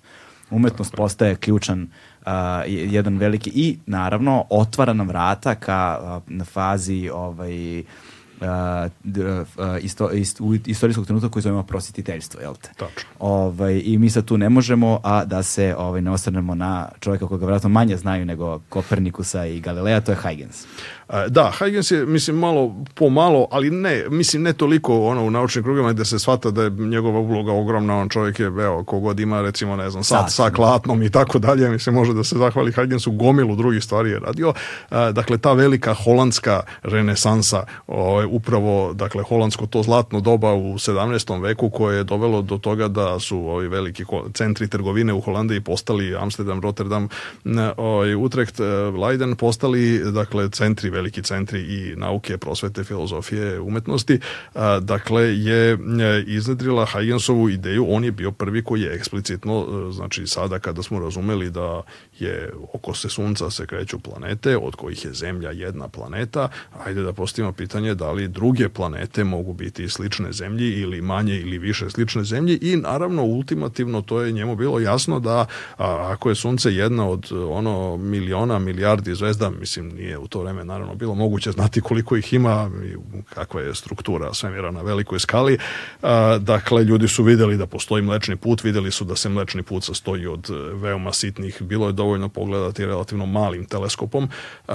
Huygens je bio jedan od najboljih konstruktora, uređaja konstruktora teleskopa svog doba i on je tamo brusio sočiva i bavio se velikim delom time i njima je bilo jasno da zapravo zvezda ima mnogo više nego što može da se vidi golim okom, da vi golim okom možete u svakom trenutku u idealnim uslovima da vidite negde recimo šta ja znam 2700 do, do 3000 zvezda na svakoj hemisferi, znači ukupno recimo 6000 i to je majušni deo onoga što to stvarno postoji e, i Huygens je isto tako postavio jedan od prvih ljudi koji je eksplicitno sugerisao da druge zvezde isto kao sunce mogu da imaju svoje planete i da tamo mogu da se nalaze nekakve druge ekvivalenti zemlje i, i on je interesantan po tome što je na jedan, znači on je prvi upotrebio tu kopernikansku revoluciju i tu novu doktrinu i novo e, učenje upravo da ukaže na činjenicu da mi treba da zamišljamo e, jednu razumiju raznovrsnost potencijalnih oblika života van zemlje.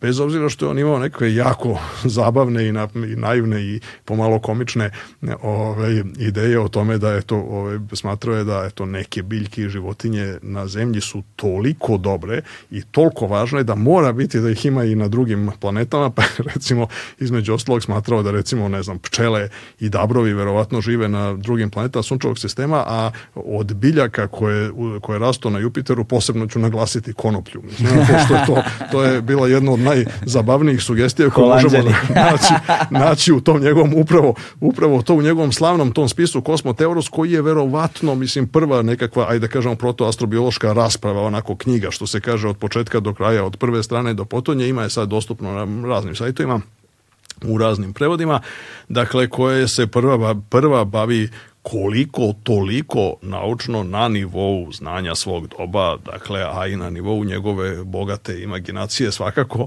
ovaj, se bavi pitanje života van zemlje. I sama činjenica, znači ono što je on pokupio, glavnu stvar koju je pokupio od Kopernikanske revolucije je bila upravo ta ideja da Ako zemlja nije u središtu svemira, onda ne treba ni da očekujemo da je ova zemaljska biosfera, da ove stvari koje mi vidimo oko nas kao živi svet je baš ono jedinstvena i pojava i nešto što je. Nego jednostavno treba prihvatimo da postoje nekakve druge. Ono što je još interesantno jeste da on otišao još jedan korak napred koji je koji je možda onako i najzabavniji e, od svih, a to je da je bio prvi čovjek koji je tvrdio eksplicitno ne samo to da se da postoji mogućnost da se e, vanzemaljski život mnogo razlikuje od ovaj od zemaljskog, nego i to da a, ako ikada utvrdimo mislim, kako izgleda vanzemaljski život, ne treba da budemo Eh, ne treba da, eh, da imamo o njemu estetske ovaj estetske sudove. estetske sudove, ovaj ne treba bez obzira što će nam se on kaže verovatno činiti kao ovaj ružan,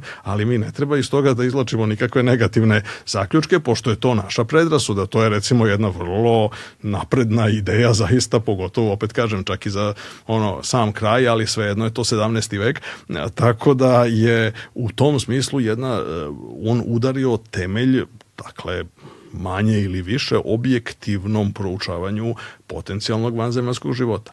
E sad, ono što je jasno jeste da je njemu, dakle, on je i prvi sugerisao bar neke razloge i fizičke preduslove za život. Recimo, prvi je sugerisao to da je to voda, o, i tako je jako bitna za, za život i, i drugde. E sad, on naravno nije mogao da zna u 17. veku koliko je voda realno rasprostranjena u univerzumu. Mi smo danas ono, odmakli jako daleko po tome i znamo da je i u našem sunčevom sistemu, a i u univerzumu generalno ima jako mnogo vode, najveći deo jeste zaleđen, ali što je zaleđeno može i da se otopi ako su e, uslovi e, tu ćemo da. doći da tu, ćemo, tu ćemo doći do za, zato nam je važan ovaj razgovor da razumemo uh, kako će pritisak igrati veliku ulogu u otapanju leda, jel te, i A, da, da. kreiranju takozvane vode, ne takozvane, nego kreiranju vodene pare. Tačno. Ovaj, I da bez uh, nje, u suštini, bez tečne vode nemamo ništa.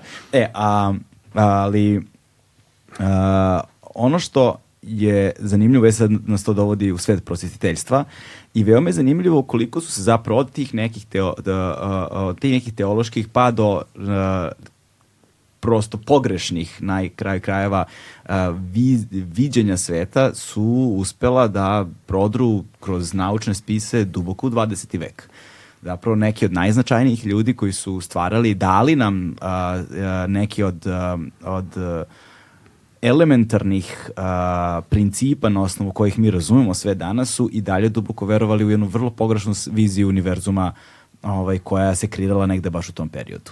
Dakle, a, shvatili smo da, ok, a, nismo ono antropocentrični, jel te zemlja se nalazi, ne, ne nalazi u centru univerzuma i čovjek u centru tog, a, celokupnog sveta, a onda na čelu sa crkvom, jel te, no, koja je upravo no, svime time, no, nego postoji nekakav univerzum i mi se krećemo oko sunca, ali opet slika tog univerzuma je bila značajno drugačija.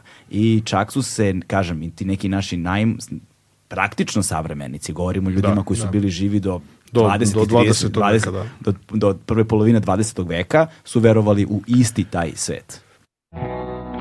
Sa tradicijom dugom skoro tri decenije, Legend Worldwide je prepoznatljiv domaći brend sa akcentom na jeans, pre svega, koji odlikuju bezvremenski, klasični modeli. To je sasvim tačno. Dakle, e, to, e, neko će reći sad da je to nekakvo klatno koje je išlo čas u jednu, čas u drugu stranu u pogledu ono optimizma ili pesimizma, uslovno govoreći, u pogledu rasprostranjenosti fenomena života ovaj, u univerzumu. I ono što su savremeni istoričari nauke znači ozbiljni ljudi, Michael Crow, Steven J. Dick i drugi, su o, ovaj, pokazali jeste da a, postojala je ta jedna od Kopernikanske revolucije nadalje, znači od doba Galileja i Huygensa nadalje, postojala je taj jedna nota optimizma, tih takozvanih pluralista, kako se to govorilo tada, koji su verovali da postoji plural mnogo mesta za život širom svemira i bilo je ljudi koji su bili više skeptični po tom pitanju.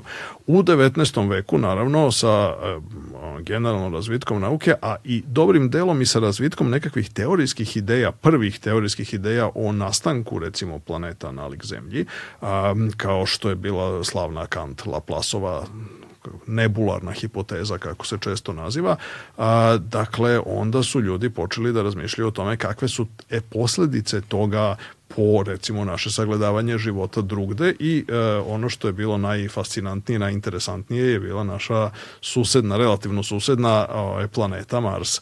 Dakle, u 19. veku, krajem 19. veka i, i početkom 20. veka to je bilo zlatno doba entuzijazma, velikog entuzijazma u pogledu života na Marsu koji je bio dobrim delom i to je jako interesantno zasnovan na upravo na jednoj sasvim racionalnom, racionalnoj interpretaciji e, Kantla Plasove ideje o nastanku planeta. Dakle, ta nebularna hipoteza je sugerisala da su se planete kondenzovale iz nekakvog oblaka koji se okretao oko sunca i hladio i e, dakle postepeno su se znači on je prvo bio nekakav usijani oblak gasa, postepeno se kondenzovao u razna tela i onda je prirodno očekivati da su se najudaljeniji delovi tog oblaka ohladili i kondenzovali prvi, pa onda kako idemo sve bliže ka suncu, odnosno da su najudaljenije, što je udaljenija planeta od sunca, to je starija odnosno prvo je nastala. I pošto je Mars udaljeniji od Sunca od Zemlje, onda smatralo da je Mars nastao ranije, pošto su ljudi videli da na Zemlji je li ima života, a i ne samo što ima života, nego ima i ono inteligentnog ili bar tako sebi laska života i civilizacije koja recimo, ne znam, se bavi poljoprivredom, na primjer, onda su isto tako smatrali da na Marsu je to moralo da se desiti samo ranije, dakle mnogo ranije nego što je slučaj na Zemlji, tako da je iz toga potiče ideja koja je na najbolji način i ubed, najubedljiviji način i dan danas e, zanimljiv sa mnogo aspekata predstavljena u slavnom romanu Herberta Georgea Wellsa Rad svetova iz 1897. godine. Evo, Laguna je nedavno objavila novo srpsko izdanje. Sa tvojim ovaj, predgovorom. A, da, sad, nije baš da se nešto ono, eto, ovaj, e, nije baš da, da, nešto, da je to najvažnija stvar, ali, ovaj, ali, ali ono što je, ono što jest, sam ja pokušao da ukažem u tom predgovoru baš upravo na to, jeste da je ta ideja o životu, dakle, u okviru postavki koje su bile prihvaćene u drugoj polovini u viktorijanskoj i to neko pozni, pozni 19. vek bile prihvaćene, dakle to je bilo, to uopšte nije bila nekakva fantastika, mislim preterana, nego su ljudi najveći umovi tog doba, znači naučnici, ljudi, Lord Kelly, Nikola Tesla, Niko, ako odete u muzej Nikola Tesla, možete da pronađete tamo, ja sad ne znam da li je drže istaknuto, ali u svakom slučaju je tamo negde ili je ono u podrumu u arhivi. A, dakle, imate knjigu a, e, ovoga, e, znači Lovela o Marsu, koji je bio, Lovel inače bio najveći zagovornik tih kontroverznih čuvenih kanala na Marsu e, sa koje sa posvetom gde Lovell eksplicitno kaže napominje da je eto Nikola Tesla ono otprilike znači E, naš čovek u smislu da ovaj, je jedan od velikih zagovornika postojanja života na Marsu. I u svojim memoarima, a, on, u onoj knjizi Moji pronalasti, a, dakle Tesla eksplicitno napominje da je on a, e, pokušavao u više navrata u Colorado Springsu da a, e, detektuje potencijalne radiosignale i to je bio zapravo on u nekom smislu reči preteča Setija, za, upravo dakle sa idejom da bi upravo na Marsu mogla postojati tehnološka civilizacija koja je u stanju da emituje nekakve modulirane radiotalase koji bi se mogli detektovati na zemlji. I to je bilo potpunosti mainstream, to nije bilo nekako ekscentrično a, uh, mišljenje, nego je bio u potpunosti mainstream mišljenja iz tog a, uh, doba kada potiče i Velsov uh, rad cvetova. A mi danas znamo da je Kantla-Plasova hipoteza pogrešna u tom smislu. Znamo da je manje više starost svih planeta sunčevog sistema slična ili ista. Dakle, to kad su one tačno završile akreciju, mislim, to se može razlikovati u nekim majušnim ono, delićima procenta, ali manje više su sve stare oko 4,5, 4 milijarde i 556 miliona godina, a, pri čemu je zapanjujuća činjenica da je to jedan od velikih triumfa nauke o kojem se nedovoljno priča, jeste da mi danas staro zemlje zaista možemo da izmerimo do preciznosti koja je recimo sa greškom manjom od pola procenta, tako da je to jedna velika stvar i ako su se ljudi oko toga su se tolika koplja lomila toliko dugo i toliko dugo su ljudi, a i dan danas ima ljudi koji nažalost veruju da je zemlja stvorena pre ono š, u, u, u šest dana pre, ne znam, šest hiljada godina i tako dalje, kako ono beše u oktobru 4004. pre naše ere e, i slično. Dakle, e, to je nasuprot tome mi danas imamo jako dobru predstavu o toj geološkoj prošlosti zemlje i ona je dobrim delom posljedica upravo tog ogromnog napretka do koje je došlo u a, sad, sad već više u dobro definisanim naukama, mhm. pre svega u znači, astronomiji i u naukama o zemlji, odnosno geonaukama, kako bismo rekli to, a, upravo u 19. veku. I upravo u 19. veku istovremeno u biologiji došlo do onog najvećeg a, e, znači, napretka i koraka napred koji smo pomenuli sa pojavom Darwinove i Wallaceove teorije evolucije, tako da upravo su se tada stvorili uslovi da mi sad sagledamo a, sagledamo fenomen a, e, potencijalnog vanzemaljskog života ili sa druge strane, čak i ne moramo da se eksplicitno ograđujemo na taj način da sagledamo fenomen kosmičkog života. Zašto? Zato što ovo je jako bitan jedan detalj koji se obično zaboravlja. U 19. veku smo ih shvatili krajem 19. veka da zemlja kao planeta ne može biti neki izolovan sistem.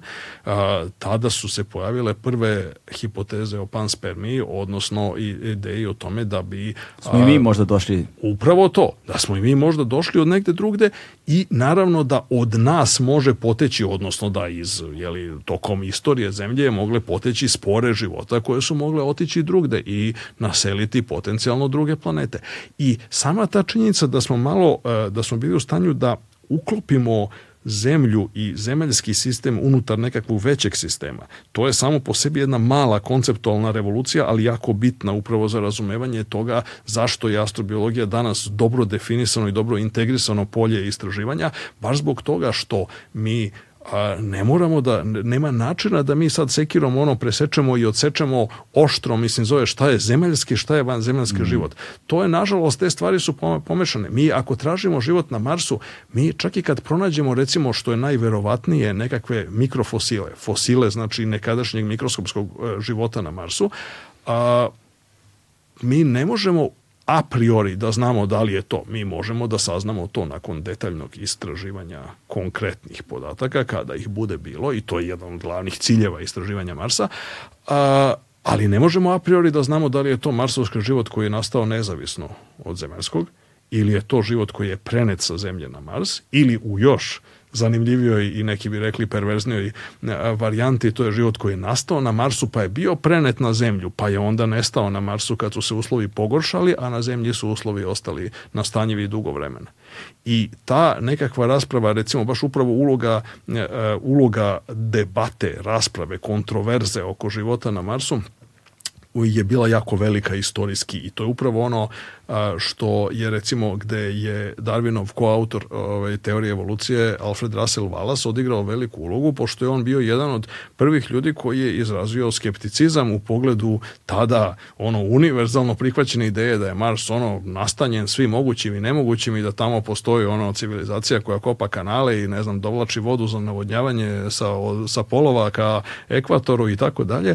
On je rekao ljudi ne, ne ne, stanite, zaustavite se malo, mislim, poček polako, mislim, da vidimo mi šta je tačno neophodno za, za tako nešto, ali nije samo neophodno da postoje uslovi trenutni, nego je potrebno da postoje uslovi koji će trajati dugo vremena kroz nekakve geološke epohe i da onda ta evolucija, ne može evolucija da se desi ovako mislim da sad mi ono odjednom vidimo vidi ovo je nastanjiva planeta super mora biti da ono idemo da popričamo sa stanovnicima tamo Ne, nastanjivost je osobina koja je ono indeksirana u vremenu, što bi rekli filozofi, to je nešto što je neophodno da se održi dovoljno dugo i da ne bude prekinuto nekim suviše dramatičnim poremećajem koja kakvih je moglo da bude. Dakle, moglo je u bilo koji, moglo je da, mi smo e, naslednici, jesmo naslednici tih skoro 4 milijarde ili oko 4 milijarde godina istorije života, ali to nije bilo nešto što, ako prihvatamo, naravno... Mi smo naslednici sada fazom šestog ciklusa, ono, pa, petog ciklusa. Pa, e, ok, u novije vreme je bilo, e, u, u, to, je onaj, to je u okviru fanerozoika, odnosno ovih poslednjih 500 recimo 540, 550 miliona godina gde mi možemo koliko toliko dobro da steknemo predstavu o raznim epizodama masovnih izumljena i raznim katastrofičnim događajima. Ali nije tačno da ih nije bilo i ranije. To se vrlo često recimo u popularnim prikazima zanemaruje. Bilo je sigurno mnogo epizodi ranije, samo što mi nemamo tragove o tome. Mi imamo tragove recimo o tome da je bar u dva navrata, a verovatno i više navrata, cela zemlja bila zamrznuta. Od pola do pola. Dakle, da je bila ledena kora debljine i kilometar do tri kilometra preko okeana na zemlji zemlji. I pravo je čudo kako je život preživeo takve, takve periode. Preživeo je zahvaljujući tome što su bile one nekakve enklave u blizini gejzira i ovih hidrotermalnih izvora na dnu mora i eventualno aktivnih vulkana, gde je postoja, gde led nije mogao da se, da se jeli ono u koreni.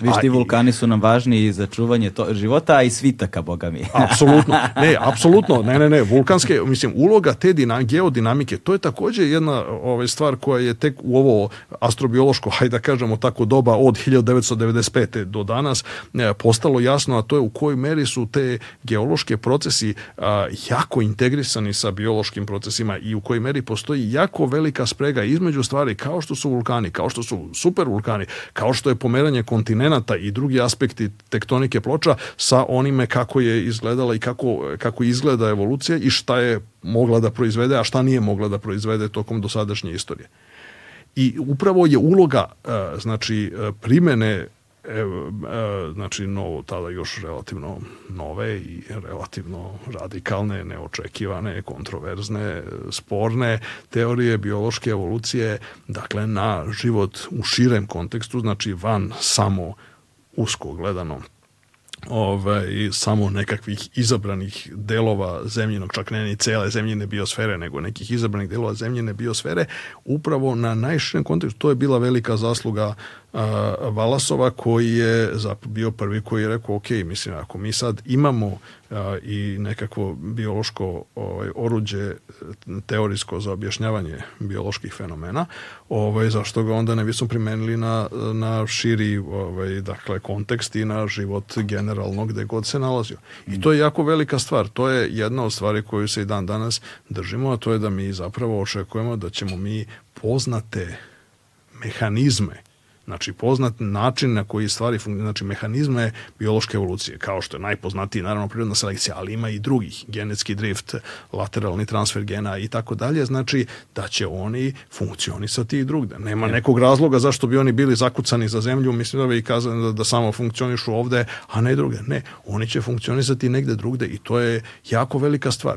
Naravno, to što se u, u Valasovo doba jako malo znalo o generalno strukturi univerzuma na velikoj skali još uvek i zato što zbog toga je on, iz čega je on izvukao nekakve dosta ovako fancy i pogrešne zaključke da mora biti da se mi nalazimo blizu centra galaksije zato što i smatrao je da eto samo u nekakvim odabranim delovima e, našeg galaktičkog sistema mogu postojati dovoljno stabilni uslovi za život.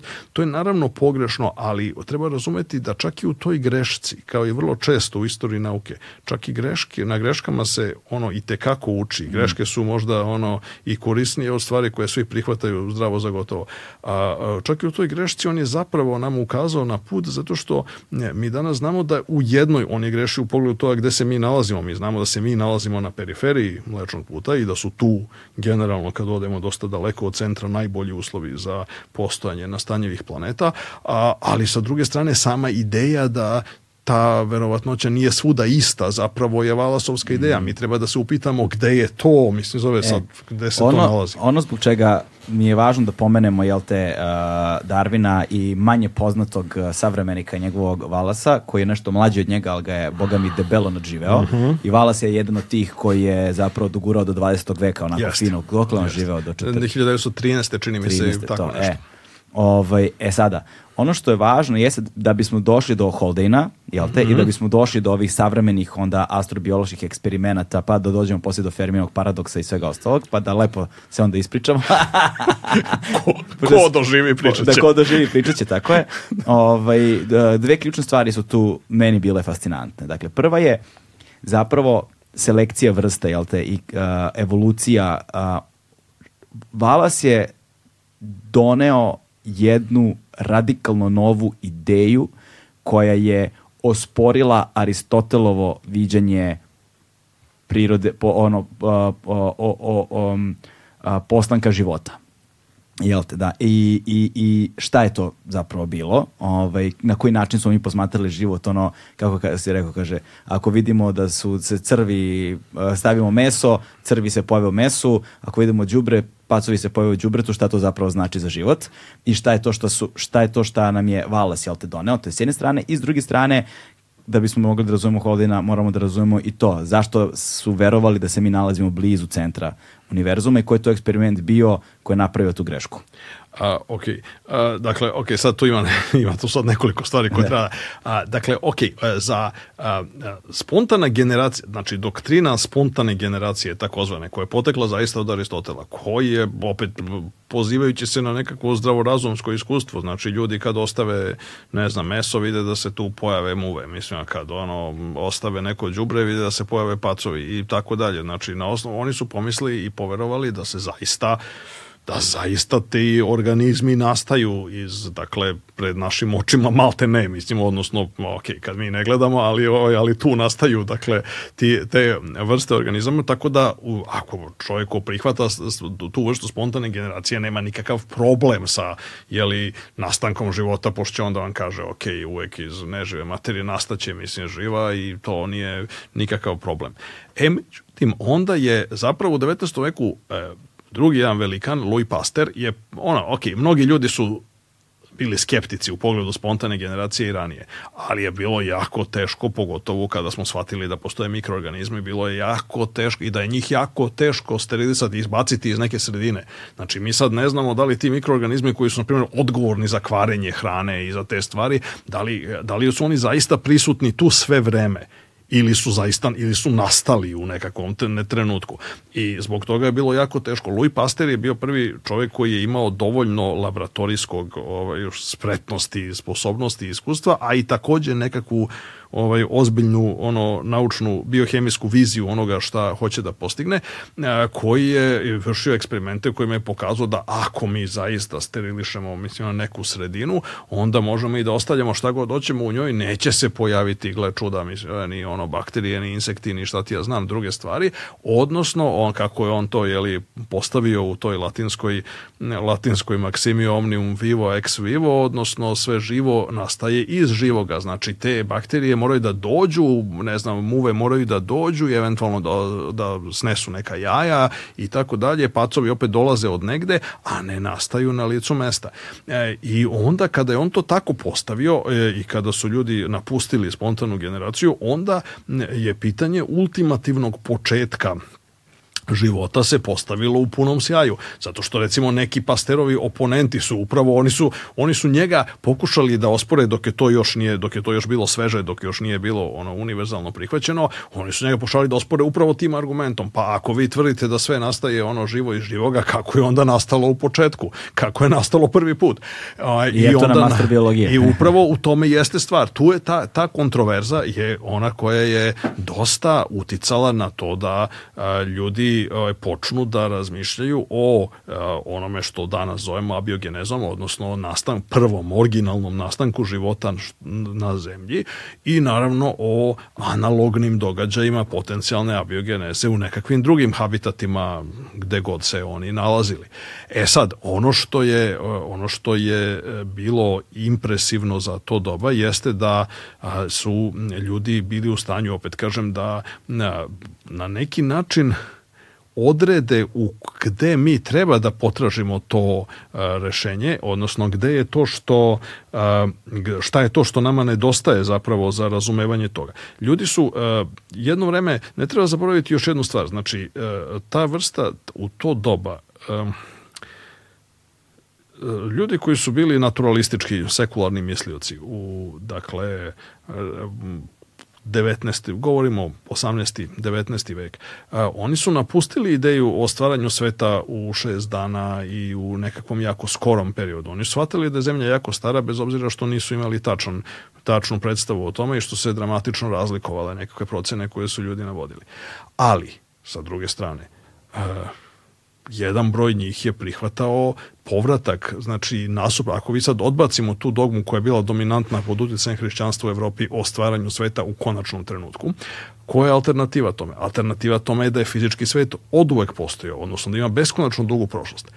Ali ako je oduvek postojao, i to takođe ima kod Lukrecija, to su takođe epikurejci na neki način predvideli, onda je vrlo problematično objasniti kako je moguće da gomila stvari koje mi vidimo oko nas je, sve što vidimo oko nas je konačne starosti. I na neki način čak od Lukrecija ima jedan onako na prvi pogled patetičan, ali u suštini jako dubog filozofski odlomak gdje on pita, ok, a zašto niko ne pamti događaje starije od Trojanskog rata i zašto nema spomenika koji su deset puta, ne znam, stariji od... Ne.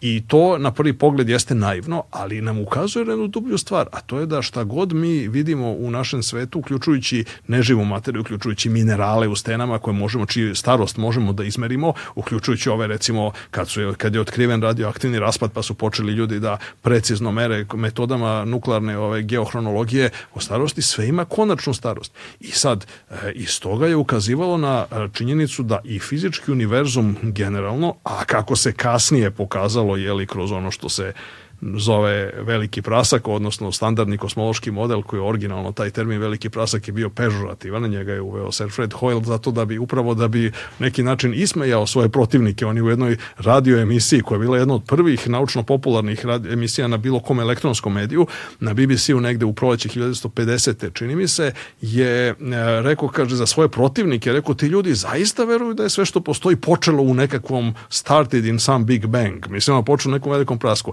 I sad postepeno, naravno, kasnije se taj pežurativni, ovaj, ono, pežurativna konotacija izgubila, a ljudi su potpuno prihvatili veli, veliki prasak. Ako je veliki prasak se desio pre konačno mnogo vremena, onda samim tim znači da je život morao da nastane pre konačno mnogo vremena, pošto je li život deo ono, ukupnog univerzuma. E, I onda se postavlja, onda se postavlja pitanje abiogeneze, odnosno nastanka života u pravom svetlu i u punom sjaju i onda je to i dan danas delimično kontroverzno zato što dan danas mi nemamo nemamo ono egzaktan ono algoritam i ono način na koji mi možemo da kažemo tačno da šta se moglo dešavati ali dugo vremena su ljudi imali i ovaj mnogo manje od toga odnosno to je bila ta biogeneza je bila potpuna misterija znači to je bilo nešto što je apsolutno koristilo samo hajde da kažemo zagovornicima nekog drugačije kreacionističkog ovaj, ono pogleda na svet.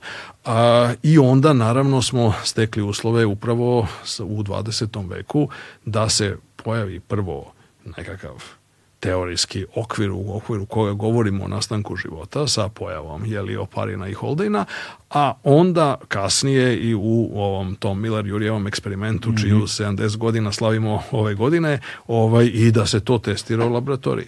Dakle, Oparin na jednoj strani i Holden, Oparin u Sovjetskom savezu, Holden u e, Velikoj Britaniji su otprilike 20 godina e, u slično vreme došli na sličnu ideju, a to je da zapravo mi ako hoćemo da, e, da objasnimo pojavu prvih oblika života na zemlji, moramo pretpostaviti da su oni nastali, da, hajde tako da kažemo, akumulacijom manje složenih nekakvih struktura, a te manje složene strukture su upravo ove biohemijske ciglice života koje se pomenuo pomenuo, kao što su aminokiseline, kao što su nukleinske baze i slično, i njihovim slaganjem u neki sistem koji je imao, kako se to kaže, metabolizam, ali nije imao nasleđivanje informacije. Mi danas znamo, što je posebna jedna kompleksna priča, jedan aspekt um, astrobiološkog istraživanja koji je najbliže filozofija i doslovno tako da, da kažemo, govori, e, se pokušava da utvrdi koji je to, koja je to definicija života dovoljno univerzalna, odnosno koje su to osobine života koje mi možemo da univerzalizujemo pa da kažemo da mi našu potragu za životom drugde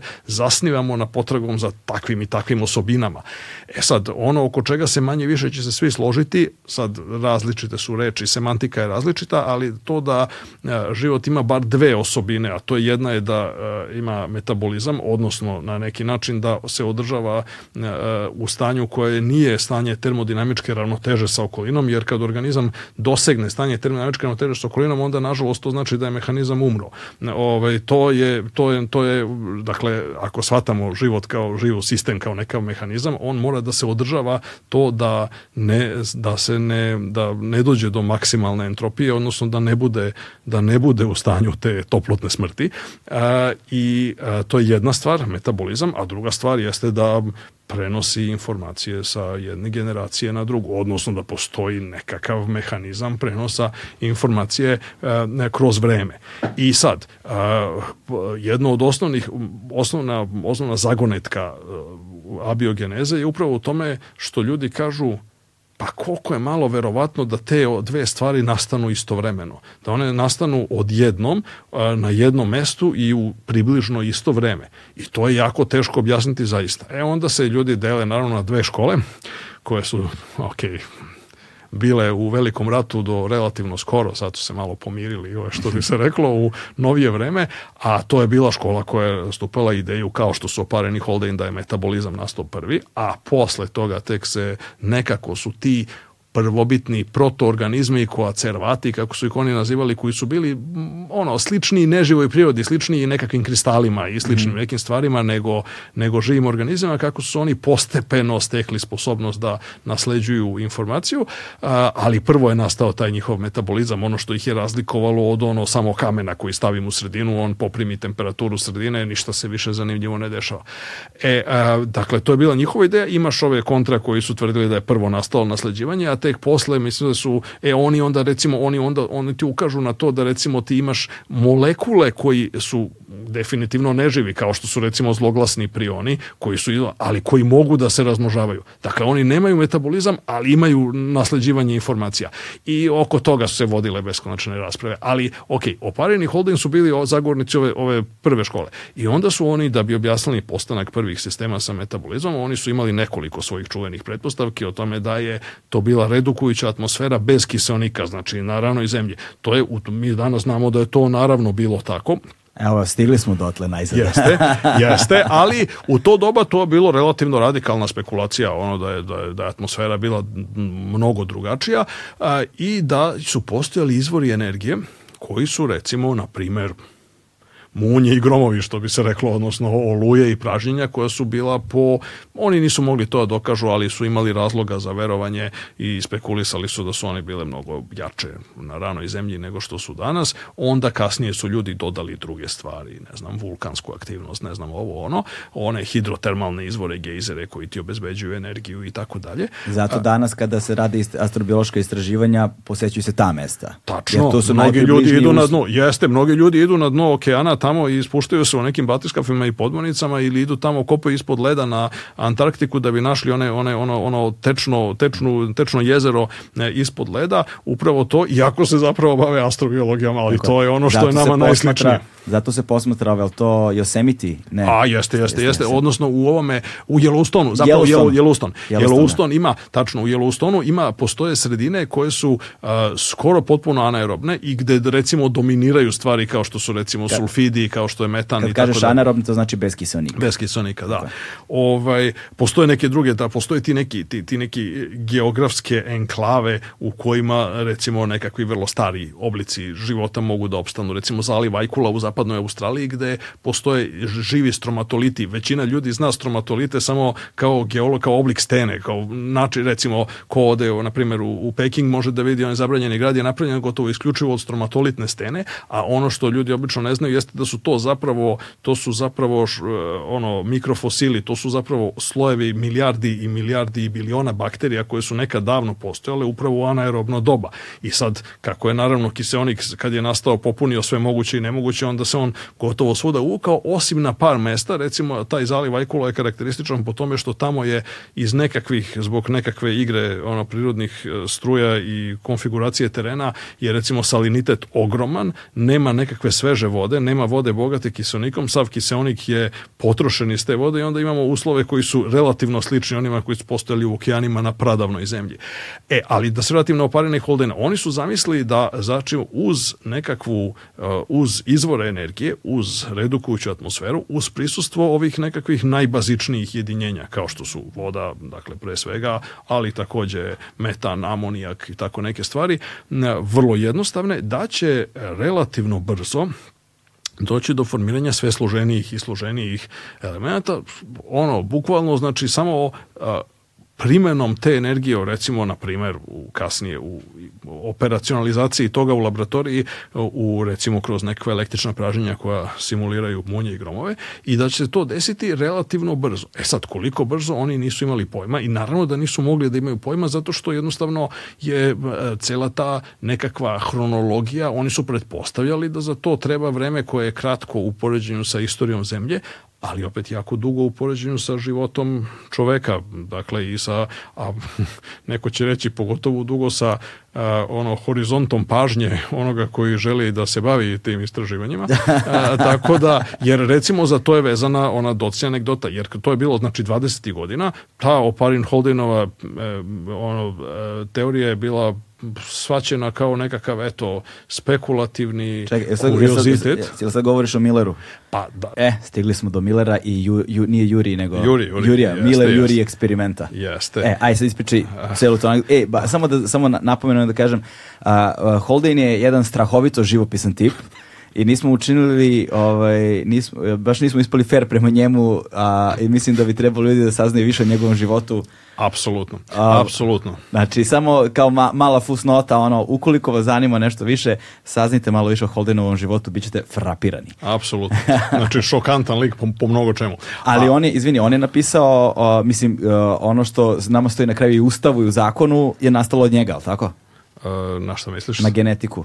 A pa dobro, da, da, jeste, jeste, jeste. Ne, naravno, on je definisao sve te, mislim, gomila tih reči, mislim, zove kloniranje, to, Aha. mislim, zove ektogeneza, ne znam, i tako je gomila reči, on smislio, mislim, i prvi definisao. Ne, apsolutno, on je bio, on je po mnogo čemu otac onoga što bi se moglo nazvati, što se danas naziva sve više studija na budućnosti, kao jedne integralne, mislim, postoje ono i ranije, ali on je prvi koji je zagovarao tu jednu vrstu integralnog proučavanja budućnosti i čovjek je bio, saista neke od njegove spekulacija su bile tako ono ludačke da je vrlo teško ovaj, uopšte adekvatno ih prepričati i čovjek se dakle čime se sve nije bavio i šta sve nije radio, to je zaista, zaista krajnje šokantno počeo od eksperimenata koje je vršio sam na sebi, tokom kojih je imao gomilu nekakvih zdravstvenih problema, pa sve do njegovog entuzijazma, ali, ali, ali doslovce, znači pomalo, vrlo, ne pomalo, nego dosta ovako nezdravog i patološkog entuzijazma za oružja, za masovno uništenje, kao što su bojni otrovi i slično, da, da. Ovaj, pa sve do toga da je ovaj, otišao u znak protesta zbog britanskog tog ili e, akademskog establishmenta da živi u Indiji i kad su ga pitali šta mu je najdraže u Indiji, rekao je što ne moram da nosim čarape, dovoljno, dovoljno je 50 godina nošenja čarapa je suviše za svako ljudsko biće da, tako čitav niz potpunih bizarnih stvari, dakle, e, veoma, veoma interesantan lik. E, dakle, Holden je bio... Kontroverzan, u... nada sve. Kontroverzan Vezan. onoliko, mislim, e, po, po svakom kriterijumu mogućem. A, ovaj, dakle, on je, on je, njegova zasluga je ne samo u formulaciji zajedno sa oparinom te prve teorije abiogeneze, zasluga za astrobiologiju, nego u još jednoj stvari koje jako bitna i koja je tek relativno skoro došla u fokus. E, on je naime prvi čovjek koji je decidno govorio o životu u terminima informacija i u terminima onoga što će tek postati teorija informacija sa kasnijim radovima Turinga, Shannona i, i drugih, a što je ekstremno bitno za nas danas, zato što mi danas upravo kad pokušavamo da uh, utvrdimo koje su to najuniverzalnije osobine života na osnovu kojih bismo mogli da tražimo život u raznim drugačijim habitatima, veoma drugačijim od zemlje, mi upravo se oslanjamo na one stvari koje su maksimalno abstraktne i koje su maksimalno udaljene od konkretne materijalne realizacije, od onoga što bismo, što bi ovi stari nazvali substratum. Dakle, mi želimo da imamo nešto što je algoritam, što je procedura, što je skup procedura koje život obavlja, ali koje može da obavlja potencijalno u različitom fizičkom substratu, dakle koje mogu da budu realizovane i ovako. I to se odnosi ne samo na ovaj običan život koji zapravo mi danas govorimo, mi stalno koristimo te termine koji su zapravo informatički. Mi kažemo da, ne znam, ćelije komuniciraju jedna s drugom, razmenjuju, ne znam, enzime, razmenjuju ovo, razmenjuju gene u krajnjoj instanci kao nosioce informacija. Pa onda, kažemo, otkrijemo znači da su ono geni u jedru ćelije, ono DNK, ali onda otkrijemo nakon nakon toga DNK u mitohondrijama, pa onda imamo mitohondrijalnu DNK i sve ono drugo što dovodi što je dovelo do revolucije, ne znam, u forensici, kriminalistici i tako da. svemu ostalom. A... Dakle, sve to informacija. I Holden je bio prvi koji je rekao, ok, mislim, ajde mi da ono abstrahujemo, pošto, mislim, ono između ostalog sugerisu da će jednoga dana, mislim, ljudi se ono, ne baš nije znao za računar u današnjem smislu te reči, ali je smatrao da će postati delom mašine upravo zato da bi optimizovali svoje funkcije, da bi, ne znam, živeli duže ili možda i ono, I ono što je zanimljivo jeste da je on razumeo mnogo pre današnjeg vremena da ćemo u jednom trenutku doći do takvog stepena razvoja da ćemo sami moći da kontrolišemo upravo te prenos tih informacija, što danas je ako posmatramo CRISPR, na primjer, ili posmatramo tačno, tačno. genetske to je, manipulacije, to je to. mi dolazimo upravo u taj stadion da ćemo sami kontrolisati sutra da ćemo se rađati. To je to. Je to. E, i ovaj, to je ovaj, to. A, a ono što je uh, takođe važno, čini mi se negde kao da pojednostavljeno pomenemo to, jeste da taj informatički sistem, kada govorimo o traženju života,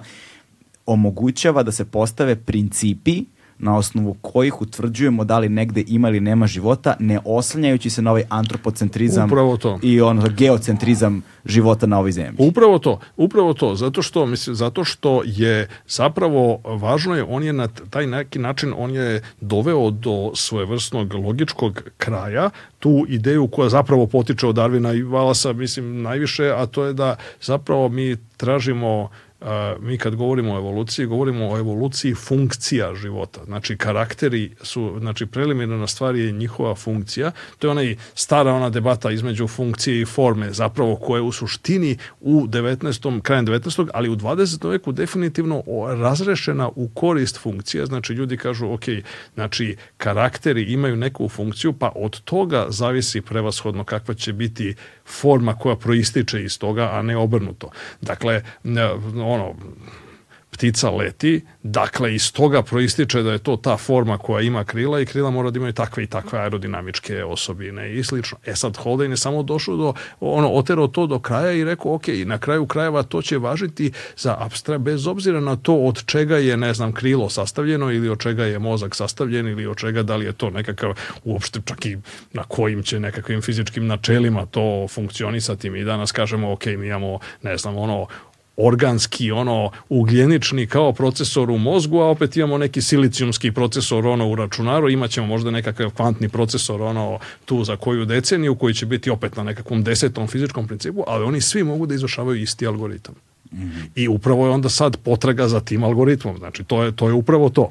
E sad, a, to je recimo još njegova ono, zasluga za astrobiologiju, da kažemo današnju, koja će tek na neki način biti vrednovana kako treba ovaj, u budućnosti. I to je recimo dobro razume Arthur A, Apsolutno. Kada je govorio Absolutno. o principima uh, potencijalnog, da ne kažemo, života na Titanu, ili na primjer na Europi Evropi i tako dalje. Ostalo, Apsolutno. Arthur Clark zapravo je jedan, on, on je baš onako ono, bio ono Holdenov e, sledbenik, da kažemo, mm. po mnogo čemu. A, I, e, mislim, oni su imali čitav taj kružok je bio, to je jako interesantan period, e, sad ako bismo išli dalje u kulturnu istoriju, znači oni su bili, znači u to vreme su otprilike u e, slično vreme i na sličnim mestima delovalo nekoliko tih ono vizionara koji su kasnije, znači delimično kroz naučno-fantastični diskurs, delimično kroz recimo Olaf Stapleton Peopledom, pa ne znam, onaj John Desmond Bernal, pa mislim gomila drugih ljudi je bila koji su bili ono na neki način čak i Aldous Huxley bez obzira što da. se on kao ovaj malo distancirao od njih onako ironijski, ali je preuzeo jako mnogo ideja mislim od njih. Tako da to je to je bio čitav taj neki Holdenov kružok je bio jako ovaj e, e, plodan što se bitnih ideja tiče koje su sa nama i dan danas i neko će reći postaju sve aktuelnije.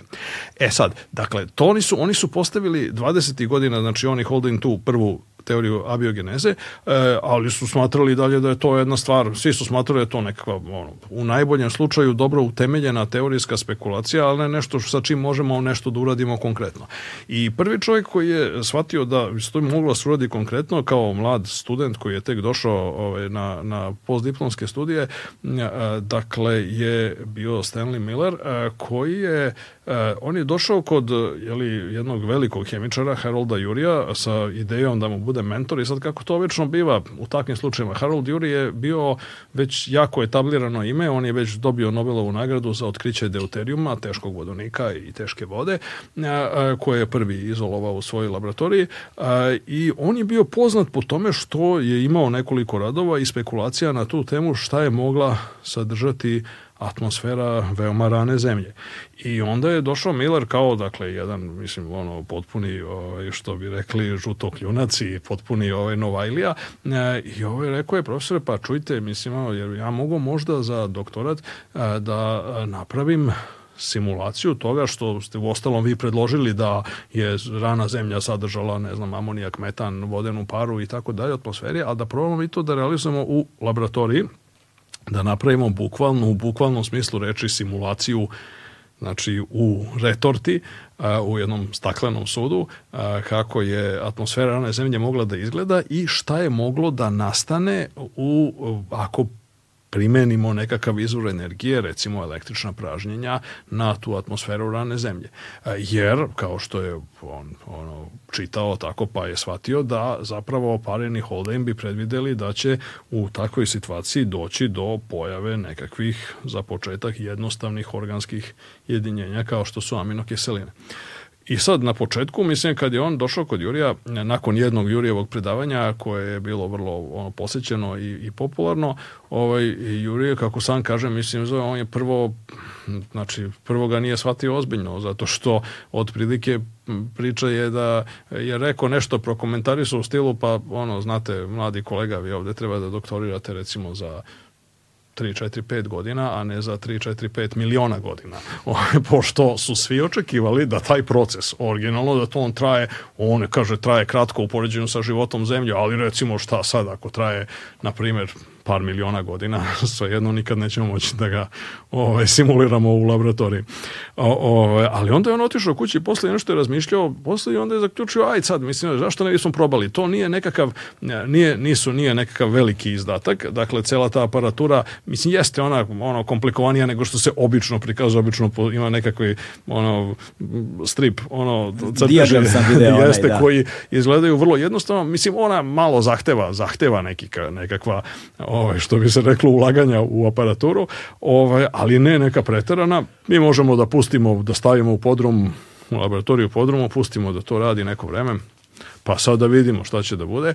Ovaj, zadržava, zadržavajući jednu notu zdravog ovaj, skepticizma, ovaj, on je rekao otprilike, dobro, smislite vi kolega neku rezervnu temu za svaki slučaj ovaj, za, za doktora tako, ako ovo, ako do ovoga ne bude ništa i e, kao što su mnogi ljudi, mnogi, ovaj, znači, pre svega biohemičari tog doba e, kasnije priznavali, um, znači niko nije očekivao zapravo da će se desiti ono što se desilo, gotovo niko nije očekivao.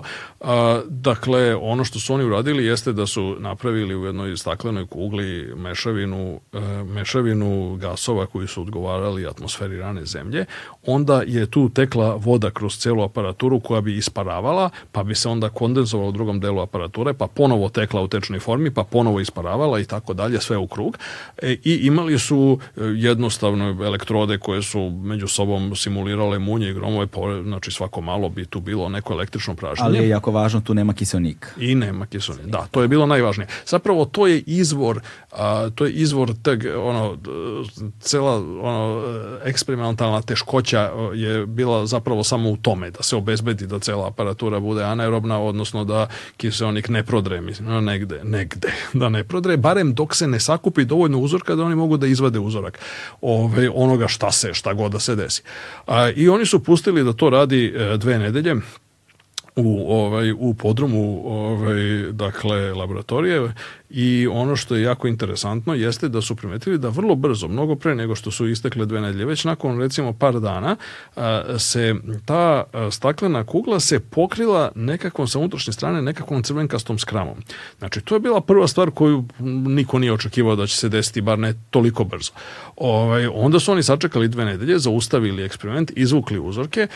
Ta crvenkasta skrama se danas naziva tolinom ili ponekad to tolinima u množini, e, ovaj, baš zbog toga što je njena uloga u savremenoj astrobiologiji ogromna. E, a zašto je ogromna? Pa zato što kad su analizirali, jeli, onda su oni zaustavili eksperimenti, izvukli uzorke i poslali ih na hemijsku analizu. Onim metodama hemijske analize koje su u to vreme, a govorimo dakle o 1952. godini, bile dostupne. E, I onda su oni na svoje zaprepašćenje videli da u toj, u toj nekakvoj crvenkastoj sluzavoj materiji o, ovaj, koja se formirala tamo, imamo a, gomilu nekakvih, znači ima nekoliko aminokiselina, ima nekoliko nekakvih masnih kiselina, nekoliko drugih nekih interesantnih stvari koje su veoma interesantne zato što su jednostavno u pitanju mnogo složeniji, e, složenije jedinjenja i što je najvažnije u pitanju organska jedinjenja koje niko nije očekivao da će toliko brzo tako malo i zapremini. To takođe treba imati u vidu. Dakle, to je, mi govorimo o ono zapremini od ono atmosfere, ta njihova simulirana atmosfera je imala zapreminu od par litara. Mislim, znači, to je, ako je nešto, ako je nešto za ne, e, proces koji je male verovatnoće, onda jednostavno znači mala verovatnoća, to samo znači da mi treba da imamo sve, više, sve veći i veći sistem da bi verovatnoća rasla, jer mala da verovatnoća... Da bismo približili jedinici. pa upravo to.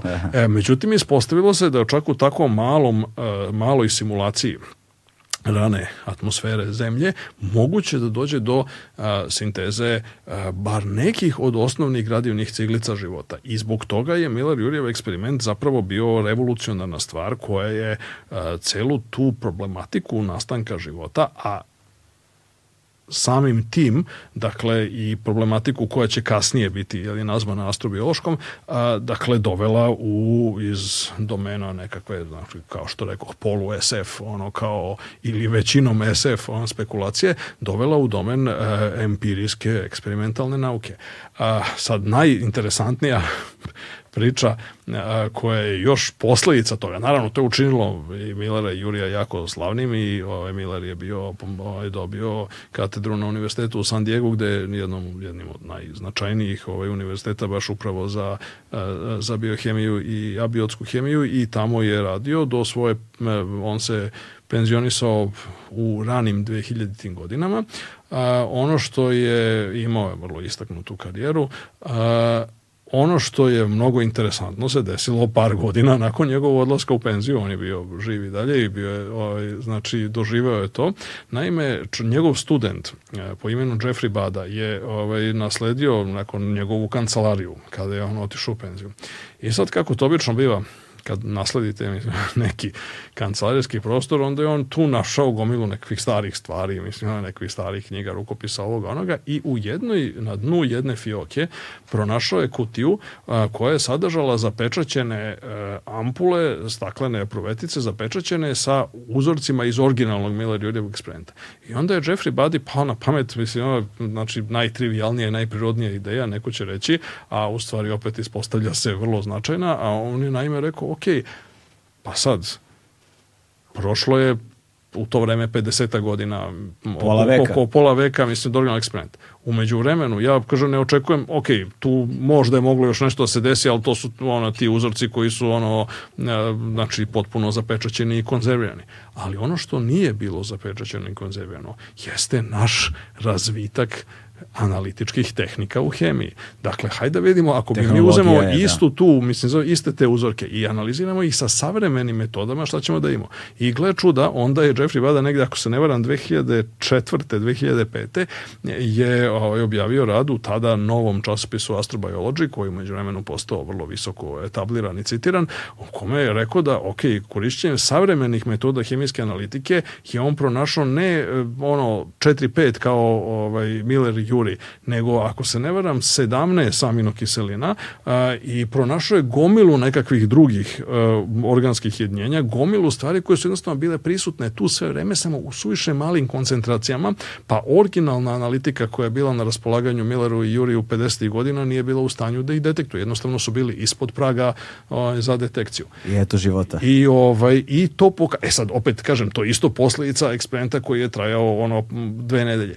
Dakle, to što je šok šokantno kratko vreme. To je potpuno nešto što apsolutno niko nije očekivao. Ljudi su očekivali pristalice Oparin Holdenove teorije i kasnijih poboljšanja Oparin Holdinove teorije, pošto naravno da je bilo dosta drugih teoretičara koji su kasnije sugerisali razne elaboracije i poboljšanja toga, ali niko nije očekivao da će se te stvari, da će elementarni uh, gradivne ciglice, znači aminokisline od kojih se sastoje svi proteini koji su jeli, osnova života, su samo polimerizovani lanci mnogo aminokiselina, uh, niko nije očekivao da će do njihove sinteze doći toliko brzo. Oni su očekivali da to će se dešava, ali to traje, traje, godinama, hiljadama godina, pa i milionima godina, dok se ne da. Ispostavlja se da ta ovaj, originalna prebiotska sinteza, barem dok se radi o tim baš ciglicama, tim, znači ono Lego kockicama, se dešava ekstremno brzo.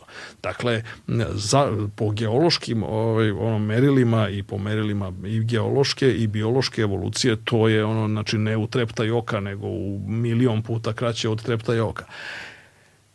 E sad, naravno, to nam ne rešava, to, taj eksperiment, kasnije su izvedeni druge varijacije, ljudi su rekli, ok, daj sad mi Sidney Fox je uzo, pa je recimo simulirao vulkane u laboratoriju, ono, vulkanske, ono, i poremeće atmosferi, tako. onda su drugi došli i rekli, ne, sad ćemo mi da simuliramo one hidrotermalne izvore na dnu mora i tako to. Tako to je otvorilo čitavu ove novu oblast, oblast i čitavu, mislim, jako interesantnih rezultata koji su u suštini pružaju i pružali su i pružaju i dan danas razloga za optimizam u pogledu toga da e, život nije samo što bi rekao Žak Mono, srećni akcident koji se desio ono jednom se ste stekli stice okolnosti i nikad više i to je nešto što je ono ne može se ponovi.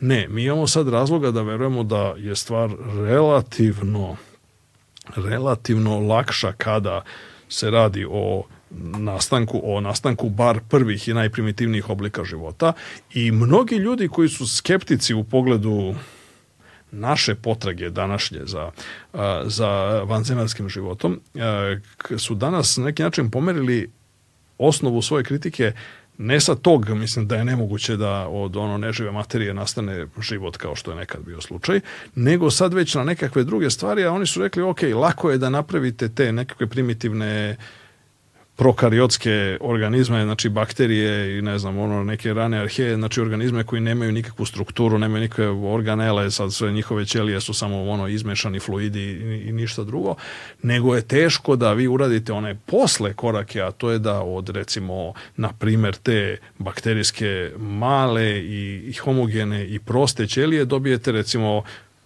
ćeliju eukariota biljaka i životinja pojednostavljeno, koja sadrži sve one komplikovane strukture, organele, mitohondrije, citoplaste, vjezdra, bla, bla, bla, one više struke membrane i sve ostalo.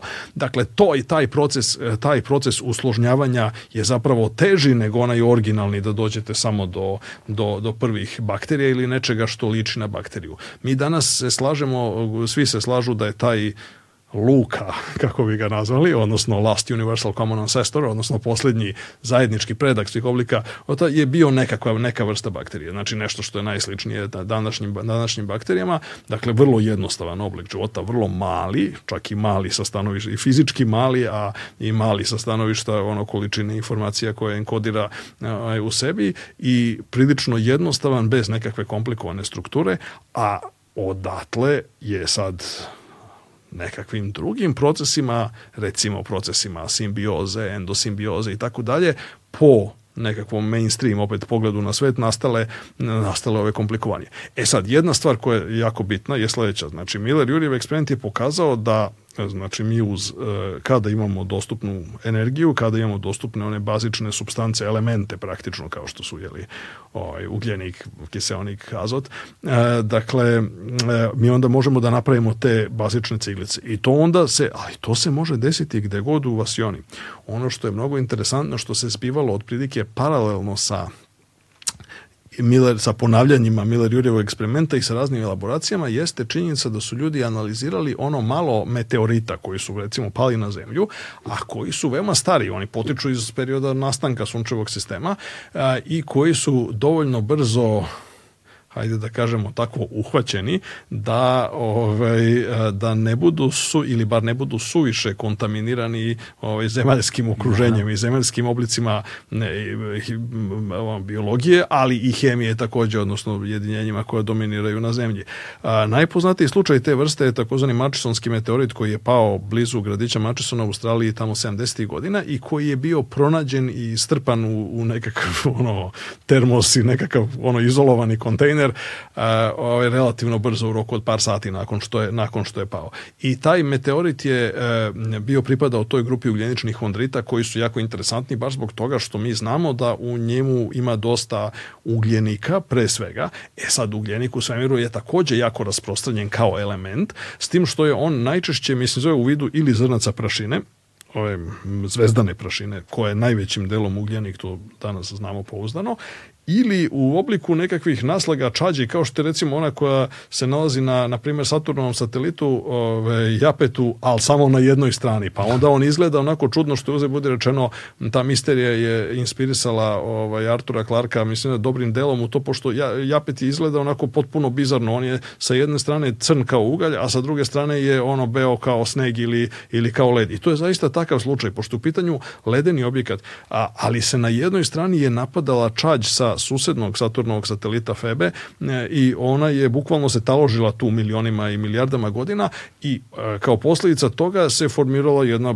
praktično ono grafitna, grafitna prevlaka preko leda mislim, na toj strani. E recimo to su neki formati u kojima smo mi znali da ima ugljenika u svemiru a onda smo relativno skoro u kosmičkoj eri, u, kad su počele ove sonde Pionir, Voyager i ovi, ovi drugi, smo shvatili da su brojni objekti u spoljnom sunčevom sistemu jako crveni i onda, gle čuda, to crvenilo zapravo jeste posljedice, je isto ono crvenilo koje se pojavilo na, u, u retorti, u onoj staklenoj kugli u Miller-Jurijevom eksperimentu, to, je, to su isti ti tolini i taj naziv je zapravo potiče od Karla Segana, i njegovog indijskog saradnika Hareja, koji su a, zapravo prvi u jednom a, veoma značajnom radu ukazali na to da tu postoji, dakle, ta energija koja je stvorila toline, koji su uglavnom mešavina nekakvih ugljovodonika, najvećim delom, ali su u njih, u, u tom ugljovodoniku, u toj, u toj sluzi su embedovane i te aminokiseline i, i druge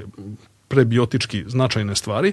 A, međutim, u titolini a, su ta energija koja je u Miller-Jurijevom eksperimentu potekla od električnih praženja u, na površini recimo satelita ili kometa, objekata u Kajperovom pojasu ili u Ortovom pojasu ili objekata kao što je recimo Sedna, to je čuveni ovaj, ovaj jedan transneptunski objekat koji je sad trenutno relativno blizu Sunca, a onda se on udalji u orbiti tako da je udaljen recimo 20.000 astronomskih jedinica, no 20.000 puta je dalje od Sunca nego Zemlja, dakle kada se nalazi u onom daljem delu orbite tamo blizu onog, kako se to kaže, Afela, ovaj, na primer Sedna je jedno najcrvenijih objekata koje, za koje znamo, možda i najcrveniji i mno, danas dominantno objašnjenje tih njihovih crvenih boja jeste da su upravo to tolini gde je energija potekla od bombardovanja kosmičkim zracima, zato što kosmički zraci koji potiču iz galaksije, jednim delom iz sunčeve korone, ali najvećim delom iz raznih galaktičkih izvora, drugih, oni jednostavno dopremaju nekakvu energiju na svaku površinu. E sad, ta energija je mala, ona je mnogo manja nego onaj fluks, ono, nego ono pražnjenje koje, koje ti uključiš na elektrode, ali je kroz milione i milijarde godina u suštini proizvodi isti efekat i proizvodi iste te reakcije e, preorganske sinteze, samo što se doduše na niskim temperaturama odvijaju sporije i zbog toga je to razlog zašto smo mi dosta zainteresovani i dosta optimistični u pogledu recimo um, astrobiološkog značaja na primer objekata kao što je Titan koji si pomenuo, zato što je to nekakva laboratorija koja jednostavno se samo se dešava, samo je na jako niskoj temperaturi, pa se da. sve dešava sporije Znači, ljudi kad ljudi su izumeli frižider, zašto? Zato da im se hrana ne bi pokvarila, a odnosno pre svega da ne bi oksidovala, ovaj, a i da ne bi procvetale razne bakterije i drugi ovaj, neprijatni organizmi unutar, unutar nje, a to se dešava mnogo sporije kad je temperatura niska, zapravo frižideru ne znači da se ne dešava, nego samo se dešava sporije. Jeste, upravo to, naravno, sve se dešava mnogo sporije. Ostavi dovoljno dugo stvari ovaj, u frižideru. To je, to, je, to, je, ovaj, to je pouka koju zapravo kada, su, kad je Boltzmann tamo prvi shvatio da je termodinamika zapravo proizvod statističke interakcije mnogo malih molekula, onda je shvatio da se gotovo sve, sve procesi se skaliraju kao recimo koren iz temperature. I sad što je temperatura niska, to je proces sporiji.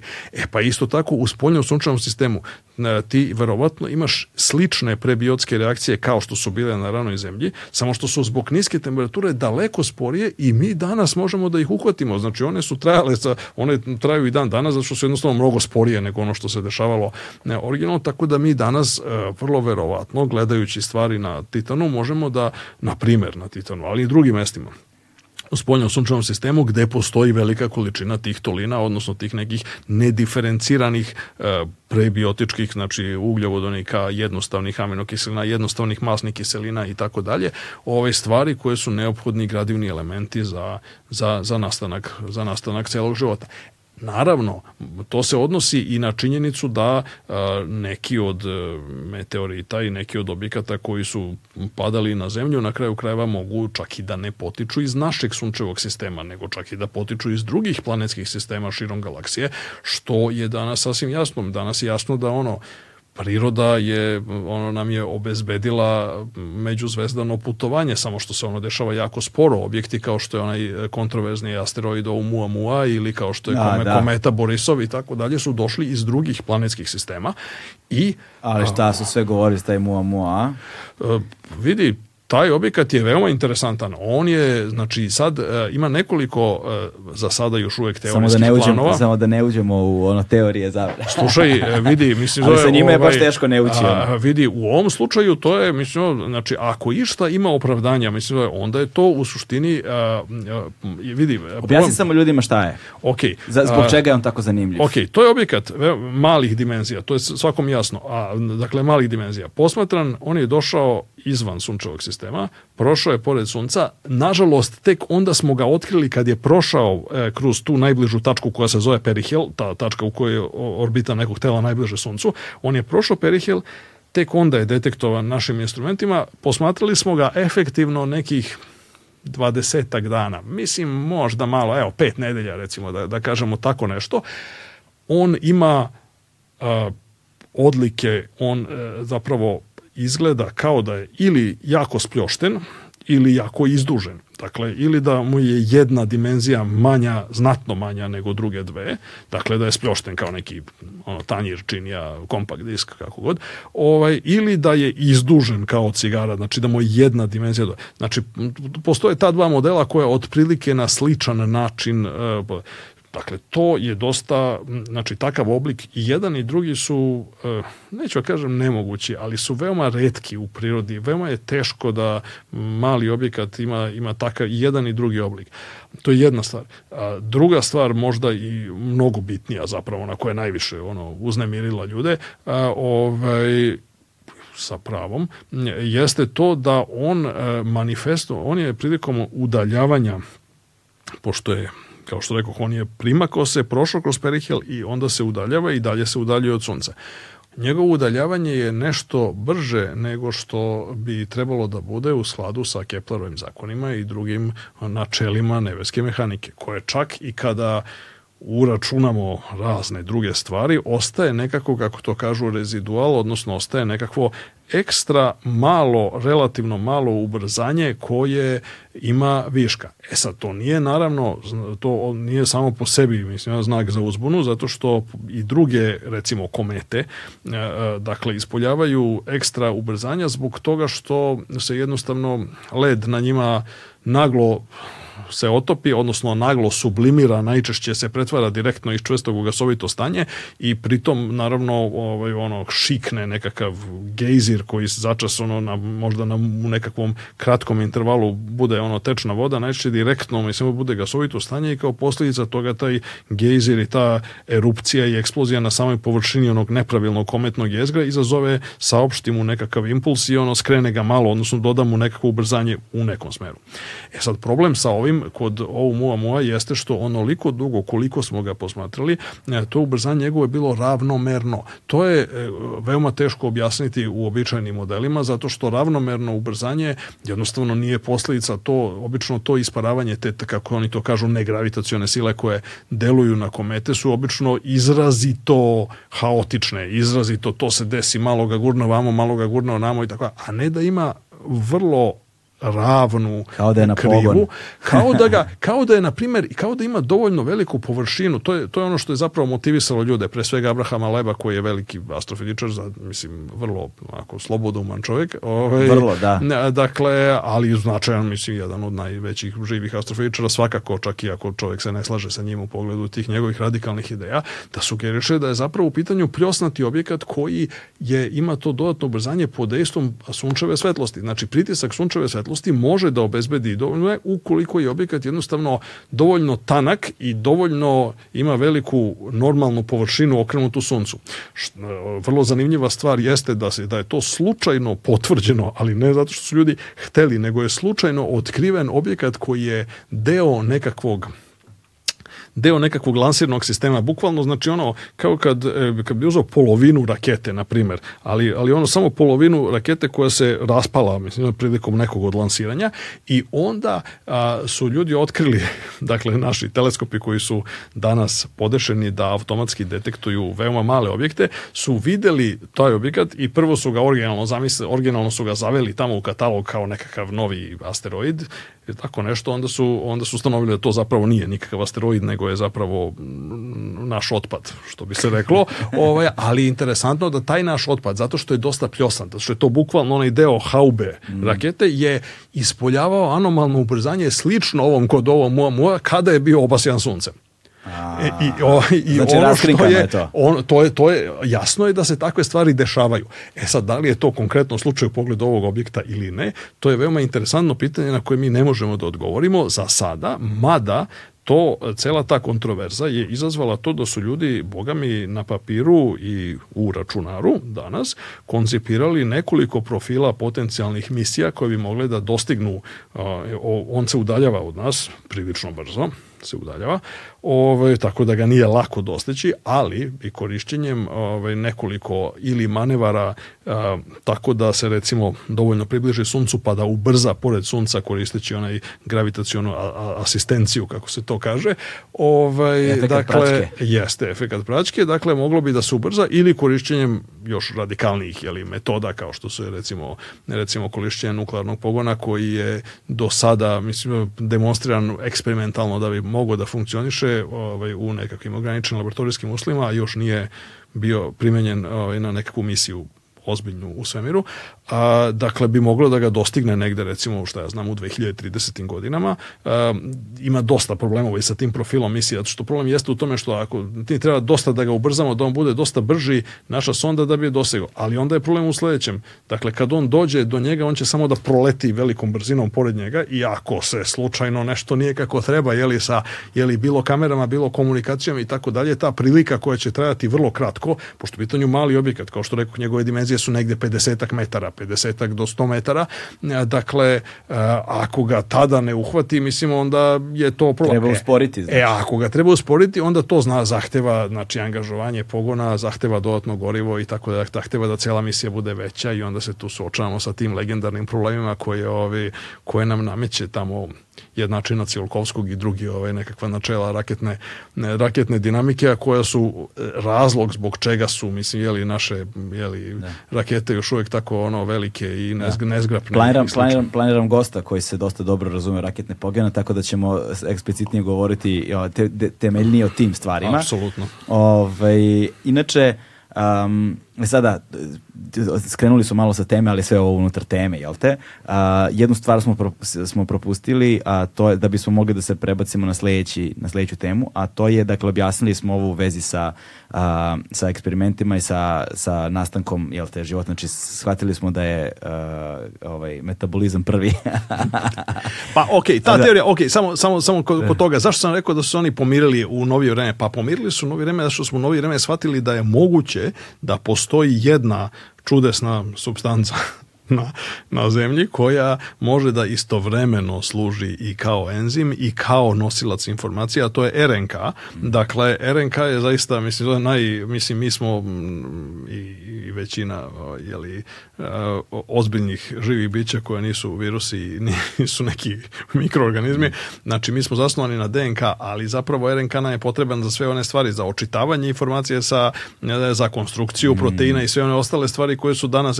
E sad, RNK čovjeka u dovoljno primitivno, kad vratimo stvari dovoljno unazad, kad se vratimo u dovoljno primitivno okruženje, RNK može ispostavlja se, i to je veliko otkriće, je ovaj, bilo ovaj, da služi i kao enzim i kao nosilac nekakve primitivne, eh, jako ograničene, skučene i primitivne genetske informacije, ali sve jedno informacije. I onda zato je, eh, zato je danas zapravo te mm, većina teorija abiogeneze eh, koja su predstavljaju na neki način modifikacije i poboljšanja originalne oparin holding Norge. teorije zapravo uključuju ono što se zove RNK svet. RNK svet je hipotetična faza u ranoj istoriji života kada je zapravo RNK služio i kao jedno i kao drugo. I kao znači enzim, to jest kao e, nešto što je bitno za e, katalizaciju metaboličkih procesa sa, na jednoj strani, a istovremeno je služio i za prenošenje informacije sa jedne generacije tih nekakvih proto e, biološki protoorganizama, tih nekakvih koacerva Cervata, odnosno modernih verzija Koa Cervata, u, dakle, za prenošenje sa jedne generacije na drugu. Tako da, u nekom smislu, ako je hipoteza o RNK svetu ispravna, što danas većina ljudi koji se bavi, bavi time ovaj, pretpostavlja, onda smo na taj način uspeli da pomirimo te dve suprotstavljene škole da. mišljenja da. i, da, e. i da na neki način napravimo dalje korak ka, ka razumevanju celog Dakle, da bi smo mogli, da bi smo mogli dalje da se bavimo spekulacijama da li je Mua Mua ovaj, veštački objekat koji koji, naš, koji, ali oni nešto, to nisi pomenuo, čini mi se, da li se dobro sećam, on ima, ne, on je, on je, da, zapravo pominjam se, ali da, nešto, da ima kao efekat ogledala u suštini koliko pa, ravan, da je pa. njegova pa, ravnoća u stvari...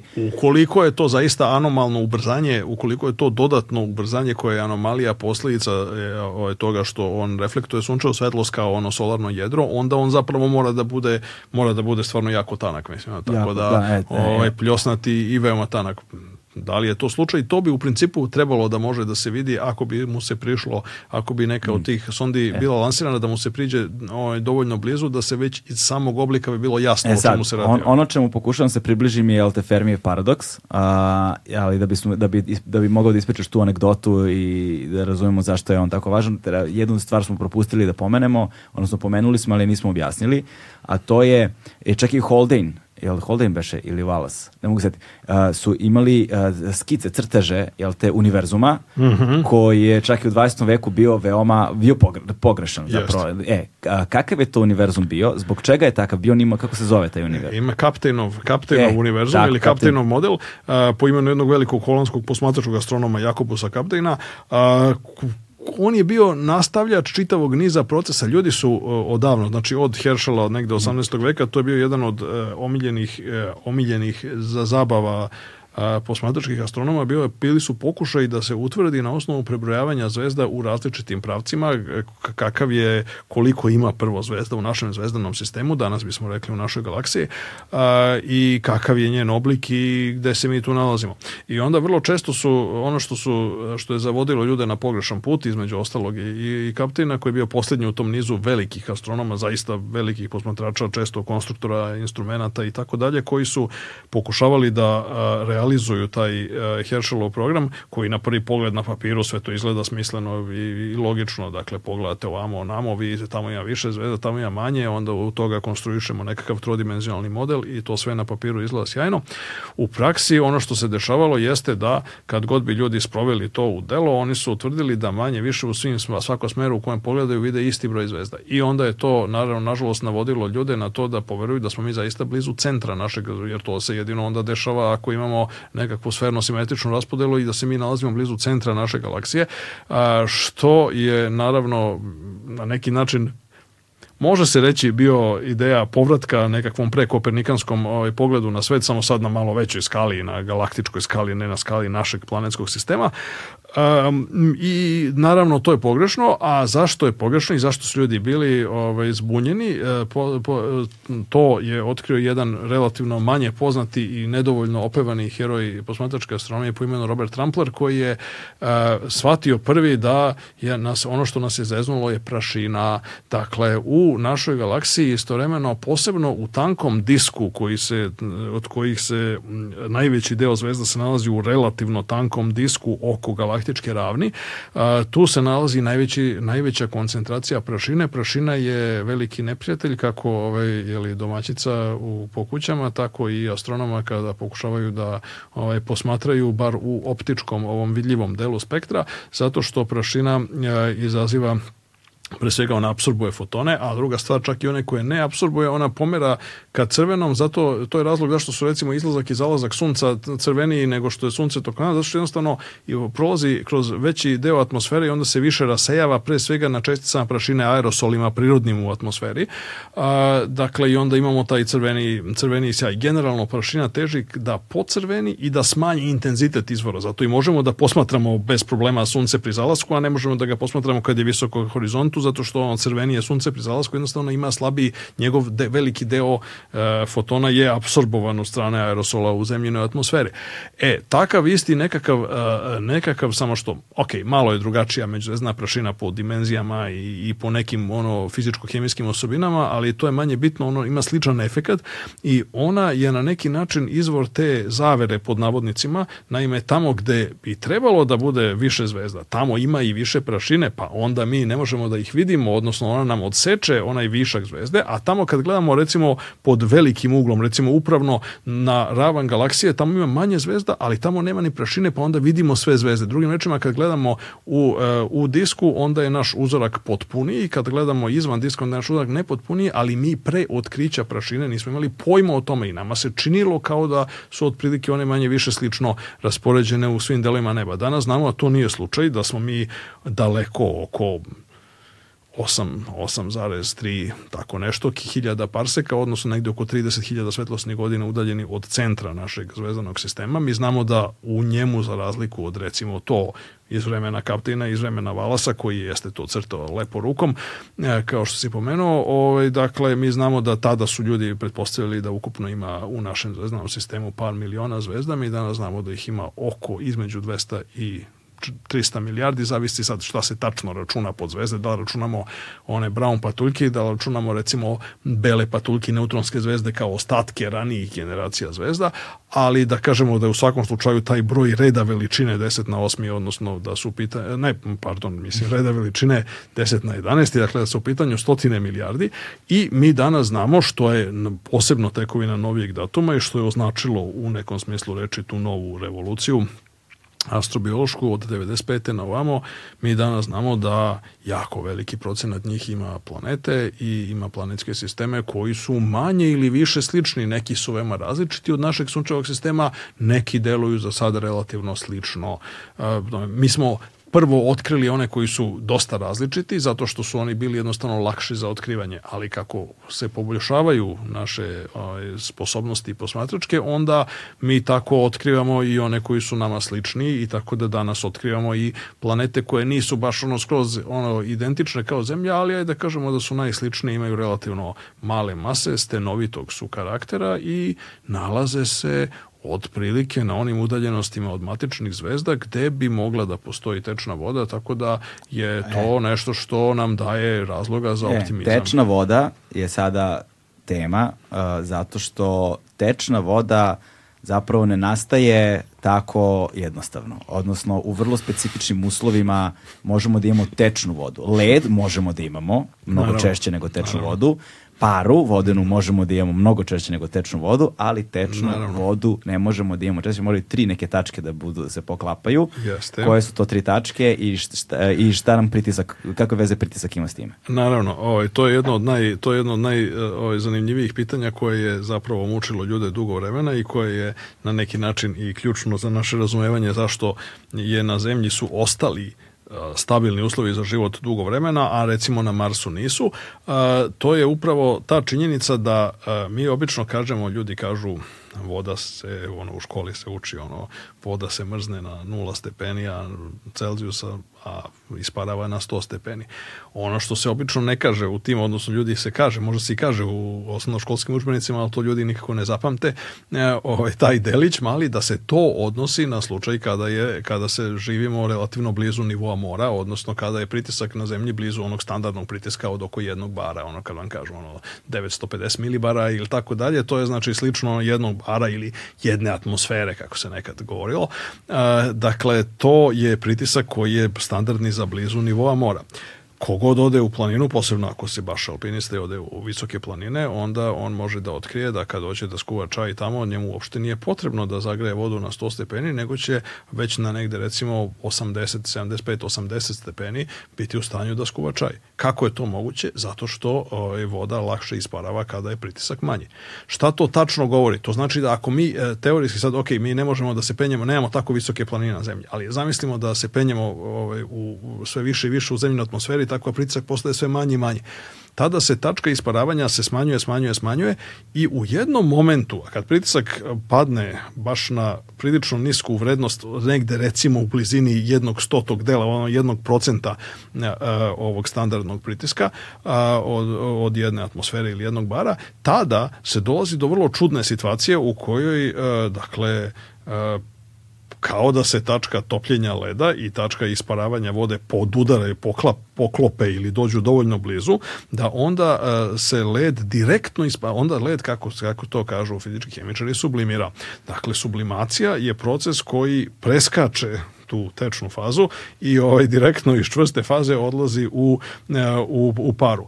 E, I to je veliki problem, zato što ako je pritisak jako nizak, kao što slučaj na današnjem Marsu, znači ne nekada u prošlosti, kada smo sasvim sigurni da je Marsova atmosfera bila daleko gušća, pa samim tim je pritisak na površini bio daleko veći, danas taj led koji je prisutan iz nekadašnjih marsovskih mora. Sad, mislim, neki kažu ljudi i okeana, mada je to možda malo preterano, zato što to nisu bila baš okeani u smislu da su jako duboke. To su bila relativno plitka mora koja su pokrivala jedan deo Marsove, posebno severne hemisfere Marsa. A, dakle, pre nekoliko milijardi godina, kada je atmosfera bila gušća i kad su generalno uslovi na Marsu bili mnogo lepši, prihvatljiviji i gostoljubiviji sa stanovišta života nego što su danas.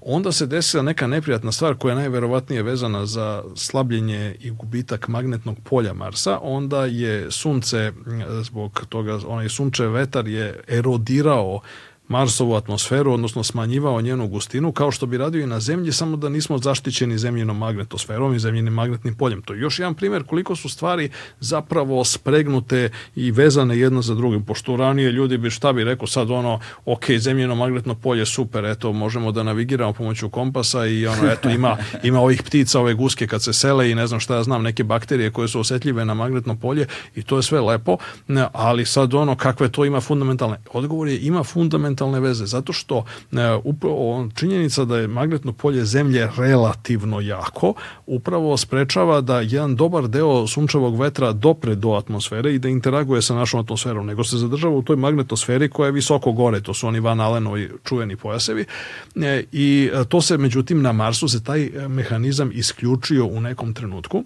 Kao posledica toga, dominan, opet kažem, dominantna teorijska paradigma o evoluciji Marsa je ta. Dakle, Mars je jednog u atmosferu, onda u jednom momentu se e, magnetno polje Marsa oslabilo, sunče vetar je počeo da erodira Marsovu atmosferu, ona je postala mnogo tanja, kao posljedica toga se pritisak smanjio i kao posledica toga više ništa, znači to isparavanje, isparavanje tečnih okeana i zamrzavanje, odnosno hlađenje, sa istovremeno je došlo i do hlađenja zato što atmosfera svojom debljinom deluje kao, kao jedno ćebence, ona izoluje i sprečava suviše velike oscilacije temperature na površini planete. E, ono što se onda desilo jeste da se isto, jedan deo vode se zamrzao u vidu leda, drugi deo vode je ispario i kao posljedica kad jednom ispari, problem je u tome što onda postoji značajna verovatnoća da ultraljubičasti zrak neki sa sunca udari u molekul vode i da ga rasturi na vodonik i kiseonik i a, kiseonik ostane u atmosferi pošto je težak i eventualno ultimativno se veže sa nekakvim drugim elementom u tlu pošto on voli da oksidiše sve što stoje onda nešto zarđa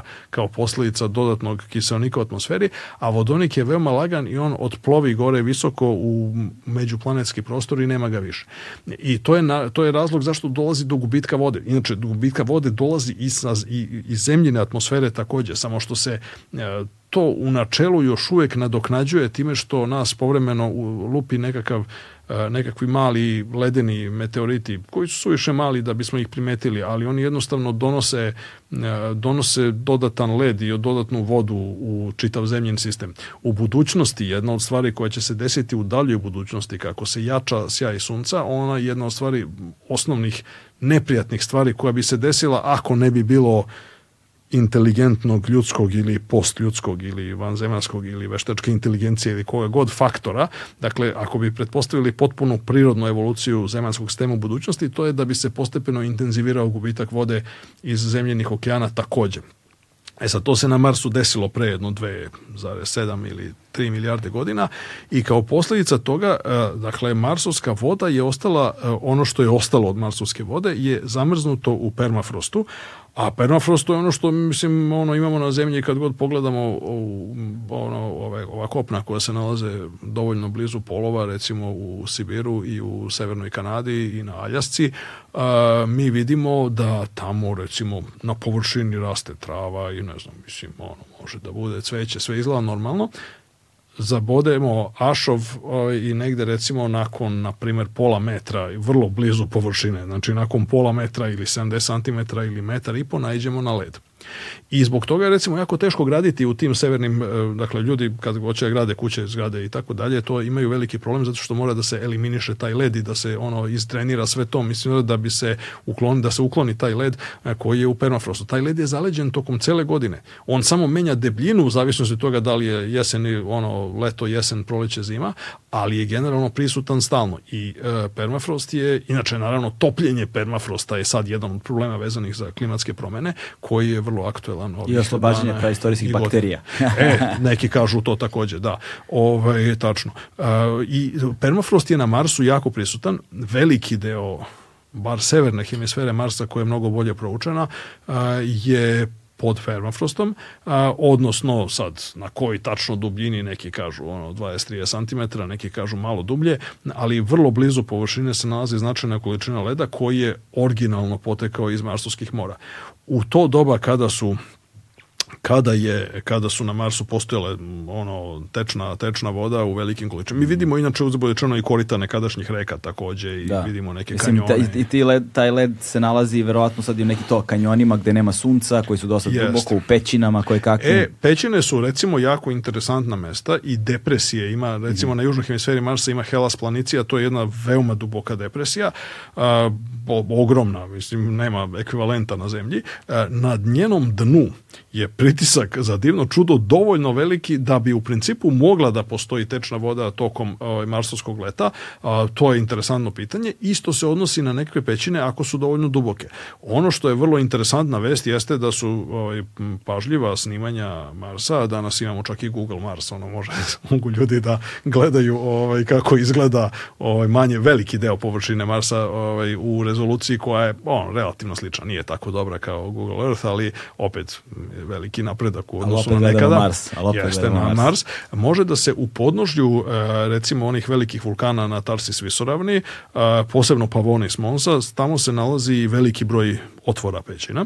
E, više stotina je u pitanju i a te pećine potencijalno gledano bi mogle da budu interesantne kao potencijalne enklave gdje bi duboko u, u njima, ako su dovoljno duboke, pritisak mogao da takođe da poraste da a, tamo... Po... Ako još usput postoji nekakav oblik geološke, to je vrlo sporno pitanje. Veoma sporno pitanje jeste, mi znamo da ovi najveći vulkani deluju kao da su ugašeni jako davno, ali ima indicija nekih indirektnih da postoje neki e, smanjeni oblici geološke aktivnosti ako postoje nekakvi ekvivalenti gejzera ili sličnih izvora na Marsu, što je moguće.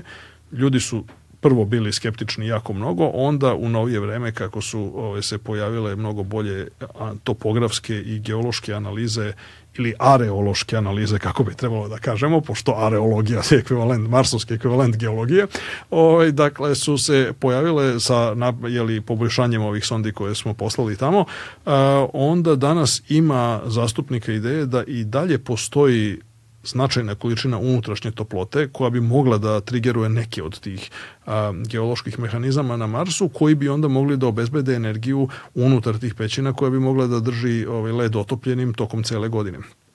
To su neke interesantne ovaj, mogućnosti, tako da bi možda to moglo da objasni između ostalog i zašto u atmosferi Marsa vidimo a, jako malu ali izgleda stabilnu, prilično stabilnu koncentraciju metana. E, ono što je jako interesantno jeste da ljudi su e, znači razmišljali o tome kako bi moglo da nastane. Prvo su kad je, kad je, kad je prvo detektovan, pojavile se indicije u spektru e, da, je, da postoji metan u Marsovoj atmosferi, ljudi su prvo mislili da je u pitanju gre, instrumentalna greška. A onda se ispostavilo naravno da ona postoji, ta koncentracija je jako mala, ali ono što je interesantno u vezi sa njom jeste da, dakle, na zemlji sav metan potiče od ovaj, metanogena koji žive najvećim delom u jeli, stomaku krava i drugih preživara. Ovaj, dakle, sav metan na zemlji koji postoji je e, biološkog porekla odnosno, da. ajde da kažemo, tako da su živi organizmi neke vrste, pre svega mikroorganizmi da. koji ga proizvode, su... Ta priča o kravljim podrezima i prdežima mi je e, udjela, u, Upravo to. Znači, upravo to. Taj metan, e, znači, e, e sad, postoje nekakvi relativno egzotični e, putevi za abiotsku sintezu, e, sintezu metana, ali su oni vrlo egzotični i generalno većina ljudi koji se bavili tim pitanjem smatra da je zapravo ako se ispostavi da je, ako se potvrdi i dalje da ta e, koncentracija metana je konstantna na, na Marsu, onda bi to bio argument u prilog postojanja nekakvih enklava i nekakve mikroskopske e, biosfere na Marsu i dan danas. A, to je vrlo interesantno, vrlo interesantna tema. E, drugi ljudi kažu ne, verovatno to nije slučaj, ali verovatno postoje fosili jeli, marsovskih organizama koji su živeli nekada davno, u vreme kada je postojala tečna voda na površini e, i potraga za njima je takođe jedan od ciljeva generalno e, istraživanja Marsa u narednim godinama i decenijama i to je nešto što više što nije nikakva ono kao bez obzira na svo poštovanje koje imam prema naučnoj fantastici, ali to je vrlo realistična stvar i a, e, osim ako je neko baš ono hardline, ono konzervativan u pogledu toga, a, e, ja bih rekao da verovatnoća da mi nađemo ili živu ili fosilnu biosferu na Marsu nije manja od 50%. Mm. I stižemo do Fermijevog paradoksa. Šta je Fermijev paradoks? Fermijev ti si paradoks, pisao njemu. Eto, eto ima, i, ima i knjiga. Ovaj, tu dakle, mi je dakle, knjiga. Ovaj, tako da, ko je zainteresovan može slobodno. Znači, to jeste velika tema. Zašto? Zato što ona Čekaj na da neki da donese način knjigu, sad čekaj da donese knjigu da je pokažem samo, samo sekund. eto.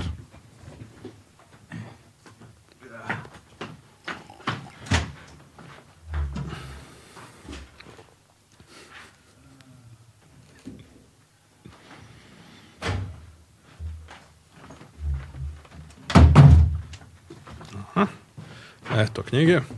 To. Ovaj, jeste, to je ovaj, original knjige, pri čemu ovaj, sad u novije vreme, e to sa zaslugom jeli, izdavačke kuće Helix imamo i srpski prevod. A, ovo je Oxford University velika, Press. To je Oxford University Press, originalno izdanje iz 2018. i imamo i iz 2022. godine, malo odloženo zbog jeli, pandemije covid ali se pojavilo i srpsko izdanje u izdanju Helixa. E, ono što, e, mislim, ok, sad, ja, opet, ka, ovo je sad jedna tema gde je teško baš ono biti objektivan skroz. Ali počne, ja, počne od anegdote. Pa anegdota kaže da u vreme kada su, nakon drugog svjetskog rata su se pojavili prvi ovaj, izveštaji o onome što će dobiti naziv UFO, odnosno NLO, odnosno neidentifikan leteći objekti, a neki bi popularno rekli i leteći tanjiri. I ovaj, a, dakle, u, to je bilo negde znači, poznih 40. godina. E, onda se istovremeno je u nekakvom izdanju ovaj, do novina u Njurku se pojavila ovaj, misteriozna takođe vest koja na prvi pogled ne bi trebalo da ima nikakve veze sa vanzemaljskim životom, a to je da su počele da nestaju kante i kontejneri za đubre, mislim da iz nekih regiona Njujorka.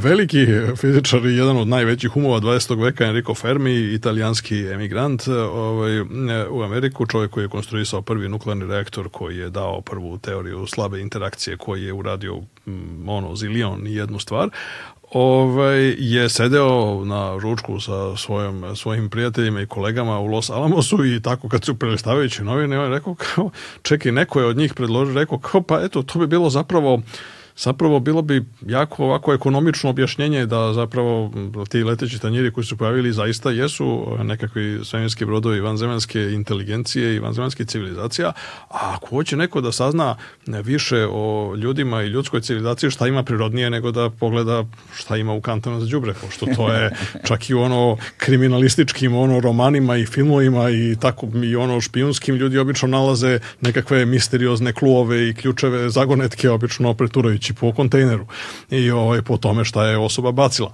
E, e, I onda je Fermi nešto koji se nije isprva izjašnjavao o tome, nešto razmišljao, mislim, pa je nešto ono škrabao po salveti, pa je onda na, u jednom momentu na, u jednom momentu na, na a, ovaj, pred kraj ručka tamo pitao je, ovaj, a dobro, a gde su onda oni Ove, I onda mu je postalo, mislim, znači ljudima, ljudima i ove, njegovim sogovoricima nisu bili, nije im bilo prvo jasno o čemu se tu tačno radi, a onda je postalo jasno da on zapravo misli na, jeli, vanzemeljske, e, na vanzemeljske civilizacije, dakle, ne računajući te očigledno senzacionalističke ove, jeli, natpise o letećim tanjirima, odnosno NLO-ima, za koje imamo gomilu razloga da verujemo da nisu vanzemaljskog projekta. To da se razumemo odmah oko toga, to je odmah, to je jedno od e, rešenja. Govoriš o ovim savremenim uh, e, yes, ugledavanjima. jedno od rešenja koje se diskutuje u knjizi ono detaljno jeste upravo to pitanje, dakle, da li, mislim, možda, možda se mi varamo u pogledu toga da imamo posla sa velikom tišinom, jeli, odnosno sa tim da mi ne primećujemo tragove ove, vanzemaljske inteligencije, a, ali sa druge strane postoji zilion i jedan razlog za to da, da zapravo budemo veoma skeptični prema e, svakom dakle, izveštaju o interakciji sa ovaj, nekakvim potencijalnim neidentifikovan letećim objektima, osim to, činjenice naravno da ljudi su u stanju da vide komilu raznih stvari koje žele da vide, a i kao što je Carl Gustav Jung koji se veoma zanimao za taj problem i napisao sjajnu raspravu upravo o tome i, i sugerisao da je to jedna vrsta a, dakle moderne mitologije koja je došla kao zamena za druge stvari ljudi proroci prethodnih vekova uključujući ne znam pisce raznih biblijskih knjiga pisce raznih drugih a, starih tekstova koji su videli razna čuda i znake na nebu upravo i videli su da im se sa neba spuštaju što ono anđeli što ne znam đavoli što čudovišta ono Zeus borba Zeusa i Tifona Japana i tako dalje. Dakle, uvek su imali tu, postojala je ta nekakva veza sa jeli, nebeskom sferom i, i sa tim onda je Jung sugerisao da zapravo u vreme opadanja onog primarnog jeli, Eh, etabliranog eh, religijskog načina mišljenja je potrebno pronaći novu mitologiju i da na neki način eh, cela priča o neintifikanom letećim objektima kao artefaktima vanzemanske civilizacije igra upravo od igra istu tu psihološku ulogu kao što su bile priče o čudima u religijskom smislu u religijskim mitologijama i ta Jungova ono teorija i čitav niz argumenata koje on naveo tamo se meni lično čini jako plauzibilnom i ja svesredno opet kažem preporučujem preporučujem objasnim to ljudima. A, sa druge strane, ono što je Fermi shvatio i zašto, zašto to jeste paradoks, jeste da postoji izvesna tenzija između činjenice da je naša galaksija, recimo velika toliko koliko je velika i stara toliko koliko je stara i ideje da je razvoj života i naše inteligencije naše civilizacije na zemlji tipičan. Dakle, ako je razvoj zemlji tipičan, mi smo se relativno kasno pojavili na sceni, hajde tako da se izrazim. Dakle, vi kad se, mislim što je prilično pa, vrlo prirodno, meni nikad neće biti jasno zašto se neki ljudi čude i to se ponekad ponekad se to manifestuje među protivnicima jeli, na potrage, seti projekata potrage za vanzemaljskom inteligencijom koji smatraju da je to bacanje para i tako dalje, e, uvek se pojavi neko pitanje, a često i ponekad onako u nekim popularnim a, e, kontekstima i pop, na popularnim predavanjima i izlaganjima se pojavi pitanje, ok, ako mi sad očekujemo, na primjer, da detektujemo radio signale ili ne znam, neutrinske signale ili nije važno bilo kakve nekakve signale napredne inteligencije, mi time podrazumevamo da su u pitanju nekakva civilizacija koja je starija i naprednija od naše. I sad zašto mi to, zašto mi verujemo to? Pa e, zapravo nema ništa zdravorazumskije i razložnije od toga. Vi kad se učlanite u nekakav klub, nije važno što se da u sportski klub, u nekakvo društvo, u ono filatelista i tako dalje, Znači, da li ćete se vi začuditi što ljudi koje sretnete tamo, mislim, zove su svi, imaju veći staž od vas? Pa naravno da nećete, a što ste se vi tek učlanili. Po logici stvari oni moraju biti, imati, imati tako isto ljudska civilizacija, ljudska tehnologija koja je sposobna da bilo šta da bilo šta posmatra na nekakvim kosmičkim udaljenostima je potpuno nova stvar. Znači, to je toliko kratak period vremena. Na svakoj evolucionoj, geološkoj, planetološkoj, kosmološkoj i vremenskoj skali. Mi smo se upravo pojavili na, na kosmičkoj sceni. I samim tim mi očekujemo da ako u tom klubu ima još članova, da se tako izrazimo, ove, ovaj, oni imaju duži staž od nas. To je jedna, ako čisto logička stvar. Postoji druga stvar u novije vreme, znači razvitkom upravo modela teorijske astrobiologije, veliki savremeni novozelandski astrobiolog eh, Charles Lineweaver je u nekoliko radova 2001. 2004. i kasnije pokazao da je raspodela starosti planeta, ovih novootkrivenih planeta oko drugih zvezda takva da je maksimum te starosti je na recimo na primer 2 milijarde godina veći nego što je starost zemlje i mm. sunčevog sistema. Što će reći da one jednostavno e, jednostavno kada bismo kada bismo očekivali da smo baš potpuno onako tipični i prosečni u skladu sa nekakvim kopernikanskim načelima, mi bi onda očekivali da nekakva druga planeta, ako je nastanjena, dovoljno slična zemlji da može, da postoji život i kompleksni život, da je tamo evolucija odmakla tih daljih ono milijardu, dve milijarde godina, odnosno rasuđivali bismo na sličan način kao što je Herbert George Wells jeli, i njegovi savremnici rasuđivali o Marsu. Oni su rekli Mars je stariji od zemlje, na zemlji postoji tehnološka civilizacija, samim tim mi očekujemo da na Marsu postoji starija i naprednija civilizacija koja će eto doći da nas pokori ovaj, u određenom trenutku to je sasvim e, na neki način utemeljeno u našim najboljim saznanjima da je, kao što rekao, većina habitata galaksije je nastanjiva dugo vremena, mnogo pre nastanka naše, naše planete. E, većina habitata su stariji od naših, shodno tome zašto mi ne primećujemo ili da nas je neko direktno kontaktirao i posetio iz tih potencijalnih drugih habitata ili, što je možda i veća i zanimljivija misterija, zašto ne primećujemo indirektne tragove i manifestacije prisustva tih a, mnogo naprednijih, ajde uslovno govoreći da koristim jedan izraz Nikolaja Kardaševa, super civilizacija. Dakle, e, dovoljno bi bilo, to je, to, to je vrlo sličan primer kao recimo interakcija između recimo najprimitivnijih društava na zemlji, mislim sa koje su i dalje svesna, vrlo su svesna a, e, dakle postojanja nekakve šire te, o, e, sada već globalne civilizacije. Dakle, to je počeo od onih od onih događaja i onih kanistera i karvo kultova koji su bili ovaj, tokom, eh, se pojavili tokom drugog rata na pacifičkim ostrovima, pa do današnjih savremenih istraživanja savremenih antropologa i kulturnih antropologa koje ukazuju da oni čak i kada odu u najzabitiju amazonsku prašumu ili na nekakvo od tih relativno redke unutrašnjost, recimo Papua Nova Gvineje ili u, ta, u neke zavite krajeve, oni nailaze na ljude koji žive tradicionalnim, na primer, životom lovaca i skupljača, znači onime što je bilo tradicionalno tradicionalno za nekakva drevna društva, ali su takođe svesni da postoji širi svet i vrlo često, mislim, čak su u stanju vrlo jasno da identifikuju artefakte, mislim, koji na ovaj ili način se pojavljuju kao što su, ne znam, preleti aviona i kao što su neke druge stvari koje su očigledni artefakti nekakve, nekakve druge civilizacija koja je prisutna na, na uslovno govoreći u nekoj geografskoj i prostornoj, prostornoj oblasti.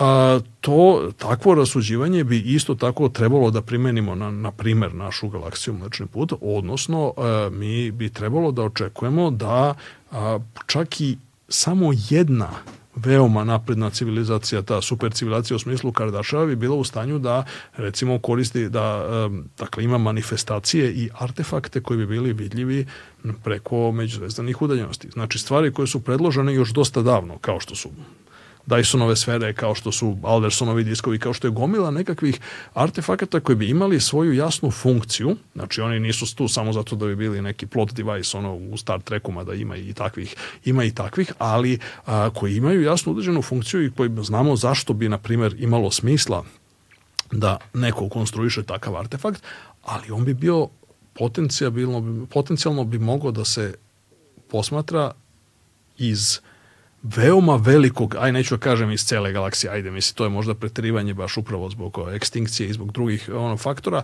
ali iz jako velikog dela galaksije. Znači, to ne bi bilo nešto što može da se sakrije lako ili što može da bude u potpunosti u nekakvom stealth modu, ovaj, da, da, da, bude nevidljivo za nas. Naravno, to ne znači da, i to je uzre bude rečeno, onaj, e, to je ono avers i revers, to je ona druga strana novčića kada se radi o interpretaciji E, NLO-a kao navodnih posetilaca strane vanzemaljske civilizacije, a to je upravo ideja da ako su oni, dakle civilizacija koja je bila u stanju da pređe međuzvezdane udaljenosti. Pošto znamo da ona sigurno ne potiče iz sunčevog sistema. U sunčevom sistemu jednostavno nema, nema mesta gde bi mogla da postoji i da nastane e, napredna tehnološka, mislim, verovatno nema ni drugih živi bića, osim, kažem, tih nekih mikroorganizama potencijalnih na Marsu ili verovatno fosilnih mikroorganizama.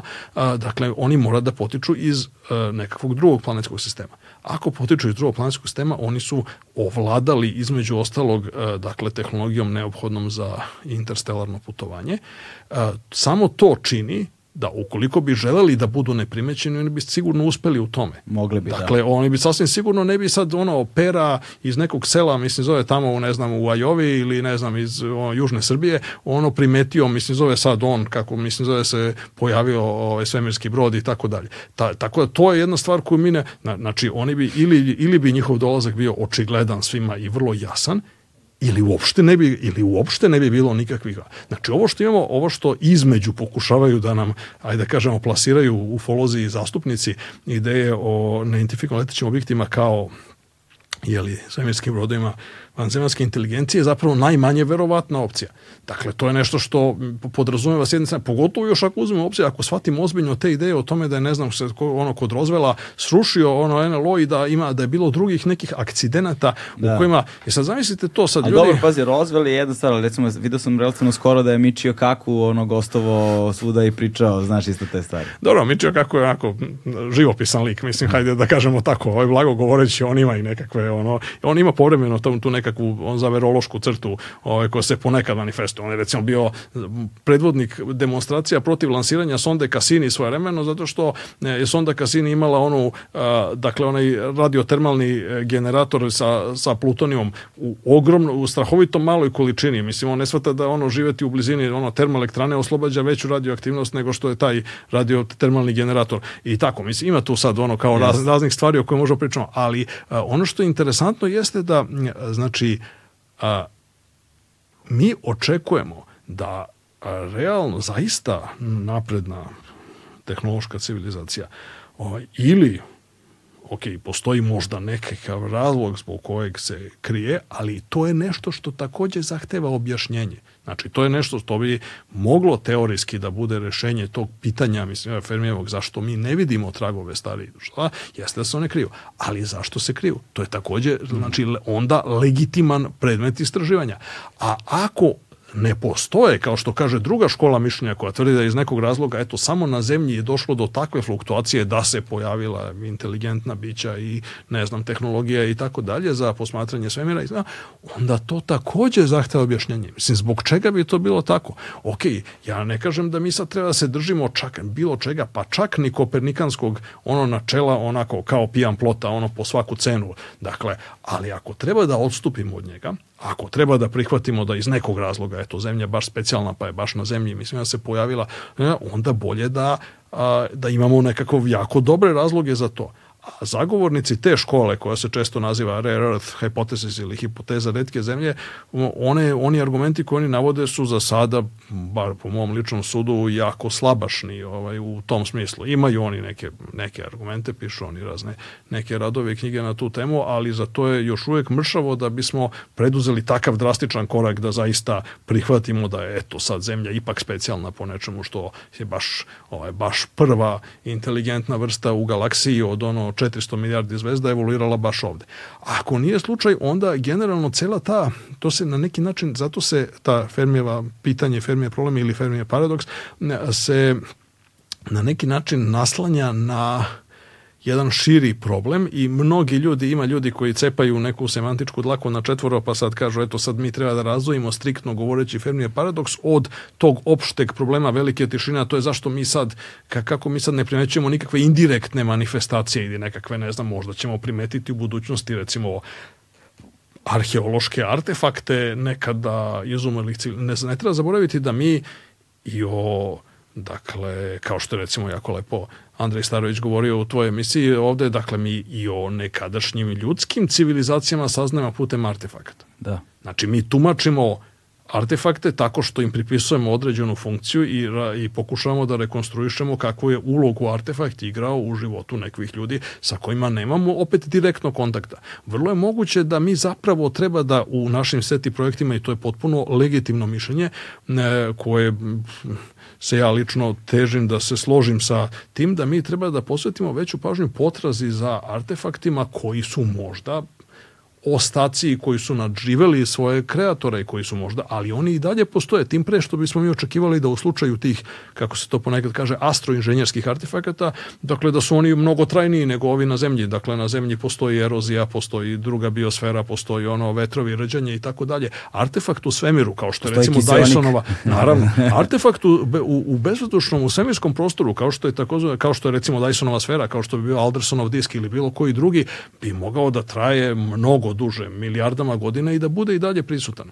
Bez da. obzira što možda su iščezli njegovi tvorci. Tako da e, je to je recimo jedna stvari koja otvara na neki način e, Fermijev paradoks i Fermijev problem nije nešto što sad nas suočava sa zidom i sad treba da sednemo i da plačemo što ne možemo da saznamo više. Naprotiv, on je, i to sam ja pokušao na neki način da dočaram u knjizi, on je nešto što nas zapravo motiviše, upravo nas motiviše na veći rad i posmatrački i teorijski i na neki način i na naprezanje naše mašte, pošto kao što će se mnogi ljudi, mnogi astrobiolozi složiti, dakle u, e, to, to je možda jedna od oblasti gde se najviše demonstrira u kojoj meri upravo mašta, upravo inspiracija koja može da potiče iz pop kulturnog, iz ono SF književnosti, filmova i tako dalje, igra značajnu ulogu i to apsolutno ne treba da bude sve, problem da se prizna. Sve vreme mi u glavi, dok ovo govoriš, sve vreme mi u glavi samo Stanislav Lemo. Pa samo Stanislav pa naravno, Lem, samo Stanislav, Stanislav Lem. Lem je jedan od velikana, mišljenja, ja sam njega ono, citirao ovde zilion puta, iako to striktno govoreći nije naučni izvor, ali mislim nije važno, dakle on jeste velika inspiracija za mišljenje, možda jedan od najdubljih, ako ne i najdublji mislac 20. veka na, na tu temu.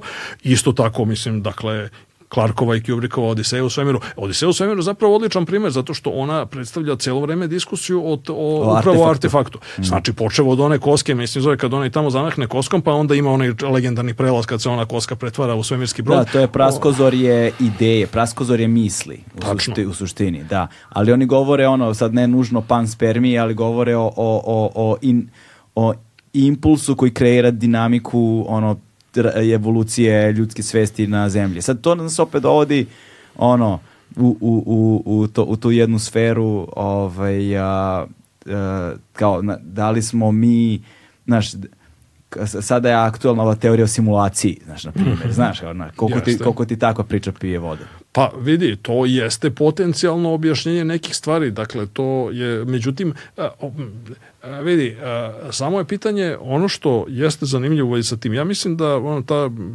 dakle, simulaciona hipoteza, to je ovaj, između ostali moji stari saradnik i, i prijatelj Nik Bostrom, ovaj, neki način obnovio, ona jeste, ima, ima, tu, ima tu nekakva dugačka tradicija, to je tamo počeo od Dekartove meditacije u kojoj on sugeriše tamo da eto, možda nas zli demon obmanjuje ovaj, u pogledu postojanja spoljnjeg sveta, možda smo mi samo, ne znam, ono, u snu ili u ovaj, viziji ili možda su u neka ona brain in the what eksperimenti, mislim, mislim je kao, kao kad si izvadio mozak i stavio ga u, u, ovaj, u nekakvu posudu, mislim i onda sad samo spolja obezbeđuješ nekakve lažne čulne impulse o tome da je to, a zapravo pitaju neka virtualna realnost.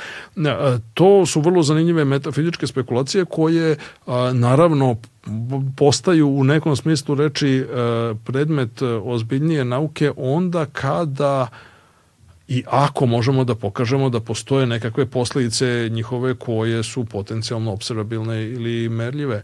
A, to je možda moguće zapravo korišćenjem recimo teorije kompleksnosti, dakle da utvrdimo gde je to, teorijski govoreći mi bi mogli da, da proverimo neke od tih ideja, zato što je pravo pitanje do koje mere ide rezolucija simulacije. Mm. Dakle, ti bi očekivao da kao i obično kad ti, znači ti kad recimo, ne znam, komprimuješ video stream i tako, ti imaš one stvari koje se slabo menjaju, pa shodno tome je, je kompresija jako efikasna. A opet u onim drugim nekim regionima gde se stalno nešto dešava, recimo u regionu ono, slike gde se stalno nešto dešava, tu ti je kompresija manje efikasna zato što, mislim, moraš da, da kodiraš više informacija. To je recimo da, to se dešava recimo ko zna u montaži kada radiš eksporte, a imaš na primjer neku vodu koja isparava ili neku paru, a onda ona ume da se zajebe pa moraš ponovo u eksport. Ne. Recimo, tako da to ti je, e, to je recimo interesantno pitanje koje, zašto da ne, ja sam lično veliki pobornik te, da kažemo, plodotvorne interakcije nauke i filozofije, posebno te vrste spekulativne analitičke filozofije koja je na neki način pro, iz koje je proistekla i to ono obnovljeni interes za hipotezu simulacije. Pa da, zato sad sve vreme posmatram, pokušavam pronađem Stanislava Lema, ne znam gde, sve su mi knjige rasturene onokolo, ali znaš kom je još zanimljivi o, o simulaciji, zapravo sam prvi put počeo da razmišljam, uf, davno je to bilo, kada sam čitao Vernona Vinđa. Dobro, Znaš, e, Lenor e, Range, naravno, daš, naravno. Pa e. on je jedan od tih, I, bi se rekao. I on je imao taj, čitao sam nekim, ono, ra, u vreme ranog interneta po forumima, on je imao tu teoriju o tom, ta, kako se zvao, tehničkom, tehnološkom singularitetu. Tačno. Znaš, da dolazi ta, da, da će do, doći taj trenutak kada će mašina postati uh, Na, e, ali... Uh, a, a takođe njegov, uze budi rečeno, njegova, uh, ako se ne veram, Rainbow, Rainbow's End, njegov mm -hmm. relativno pozniji roman koji je relativno skoro, mislim relativno skoro, pre 10-15 godina, kadli, je izašao je interesantan, pošto me nešto, znači, sad teoretičari zavere bi tu izvukli ovaj još bogatog materijala, ali ovaj on je u nekom smislu reči a, zagovornik te jedne vrste konvergencije je bio tehnologije i veštačke inteligencije koje recimo baš u tom romanu zapravo je povezano sa nekakvom ovaj, globalnom pandemijom koja je u Aha. suštini relativno niskog intenziteta, ali poenta i nije u samoj pandemiji, nego u nekim drugim stvarima koje su, ove, koje su, koje su tako da je to, neki bi rekli, dosta proročanski, ovaj, ali Werner Vinci u svakom slučaju, ono, veliki mislac, to nema da, nikakve, nikakve da. dileme. Jako bih preporučio jedan njegov roman svima da pročitaju, to je Plan, Plamen nad ponorom, Apsolutno. To je, to je, taj je, taj je neverovatan, ali, prorok, ali ako govorimo o prorocima, sad, ok, Stanislav Lem je sa, aspekta filozofije, sa aspekta ideja, sa aspekta nečega što je ono, on je uspeo da se uzdigne izvan stilsko-tipoloških odrednica žanra i da uvede uh, naučnu fantastiku u, u, u visoku umetnost. Uh, ali s druge strane recimo ako govorimo o, onom naučnom u naučnoj fantastici tu je Arthur Clark bez apsolutno bez znači Absolutno. njegovo predviđanje interneta telekomunikacija upotreba mobilnih telefona ono pre, pre, pre, pre više od pola veka to je na, način na koji on način na koji on zaključio od čega se sastoji površina Jupitera. Da, da, da, da, da naravno, Pre nego što naravno. je Voyager uopšte a, poslao impulse i tako dalje, to su sad neke već e, nevjerojatne. Apsolutno, i to su nosi, na neki način imamo taj, to je ono što su istoričari, e, istoričari žanra uvijek identifikovali kao tu nekakvu tenziju između ono, recimo, Žila Verna i Herberta Georgea Wellsa kao, mm. mislim, nekakvih opozita koji su pojavili u slično vreme u 19. veku, ove, sa neke sli... ali i ljudi su ove vrlo često došli do preranog zaključka koji je načito bio popularan, recimo, što ja znam, kad se pojavilo prvo ovaj britanski novi talas tamo negde 60-ih, 70-ih godina, ne znam, na primer e, Michael Murkog, pa onda ne znam e, J.G. Ballard, pa ne znam Brian Aldiss, mislim i tako dalje, a onda posle i Cyberpunk, da je ovaj Velsovski, e, da kažemo, pristup potpuno pobedio, ali to je možda malo preuranjeno zato što i ljudi koji su bili više, ajde da kažemo, u ovoj, u toj recimo kao Arthur Clarke imaju šta da kažu i tekako i u novije vreme, boga mi, postoji taj, ta ova, ova recimo New Space opera koja je veoma mm. interesantan fenomen koji se pojavljuje bukvalno znači u zadnjih nekih 15 15 godina ili negde od recimo možda 2000 treće, četvrte, pete, je veoma interesantan fenomen koji ukazuje da na neki način postoji dalje. Mi imamo i dalje tu jednu vrstu dikotomije koja je sad podignuta na novi nivo. Mnogi od autora New Space opere, kao što recimo, ne znam, Greg Egan, kao što je Alistair Reynolds, kao što je Justina Robson, oni zaista interaguju e, sa naučnim rezultatima. Peter Watts, na primer, mm -hmm. znači njegov sjajni roman Blind Sight, ja mislim, e, sam relativno nedavno sam ga ponovo pročito i zapanjuju Zapanjujuće je koliko taj čovjek, recimo ona, e, on ima izuzetan i ono dramatski, kompozicioni smisao i to je ono vrhunski roman, a s druge strane e, on je otišao toliko daleko da je napisao čak detaljan pogovor ono, gde je čak ono citirao gomilu nekakve primarne naučne literature koja ga je inspirisala ovdje i onda. I neke stvari potpuno neočekivano i znači na neki način potpuno onako deseti, to je kao nekakva ono finta unutar finte gdje on potpuno skreće na neku desetu stranu i sad čovjek misli gde je ovo, kakve ovo veze imam sa realnošću, a gle čuda, onda on u zapravo pogovoru ovaj, tačno rekonstruiše na neki način i svoj misalni put kako je ovaj, na neku ideju došao.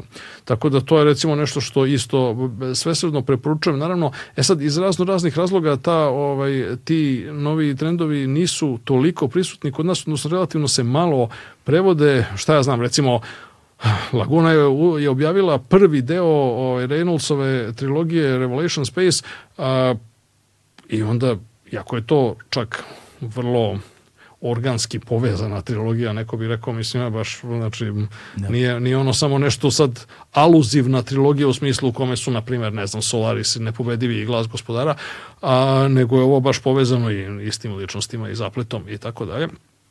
Međutim, druga dva dela se nikad nisu pojavila. Iz nekog čudnog razloga, ja sam pokušao da, čak i da saznam, raspitujući se ovaj, ljudi, ali su izgleda iz nekog razloga, da li ono, ne znam, fokus grupa ili loša prodaja i tako dalje, uslovio da se bukvalno, znači, ono što se obično ne dešava, to je, znači, samo prvi deo se pojavio i druga dva se nisu nikad pojavila.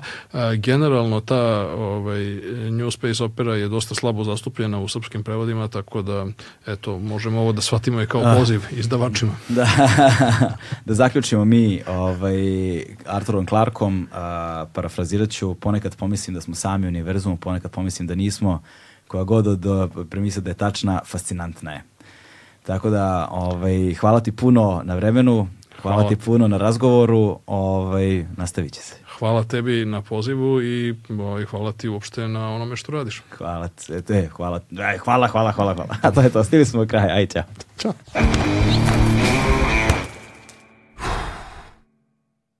嗯。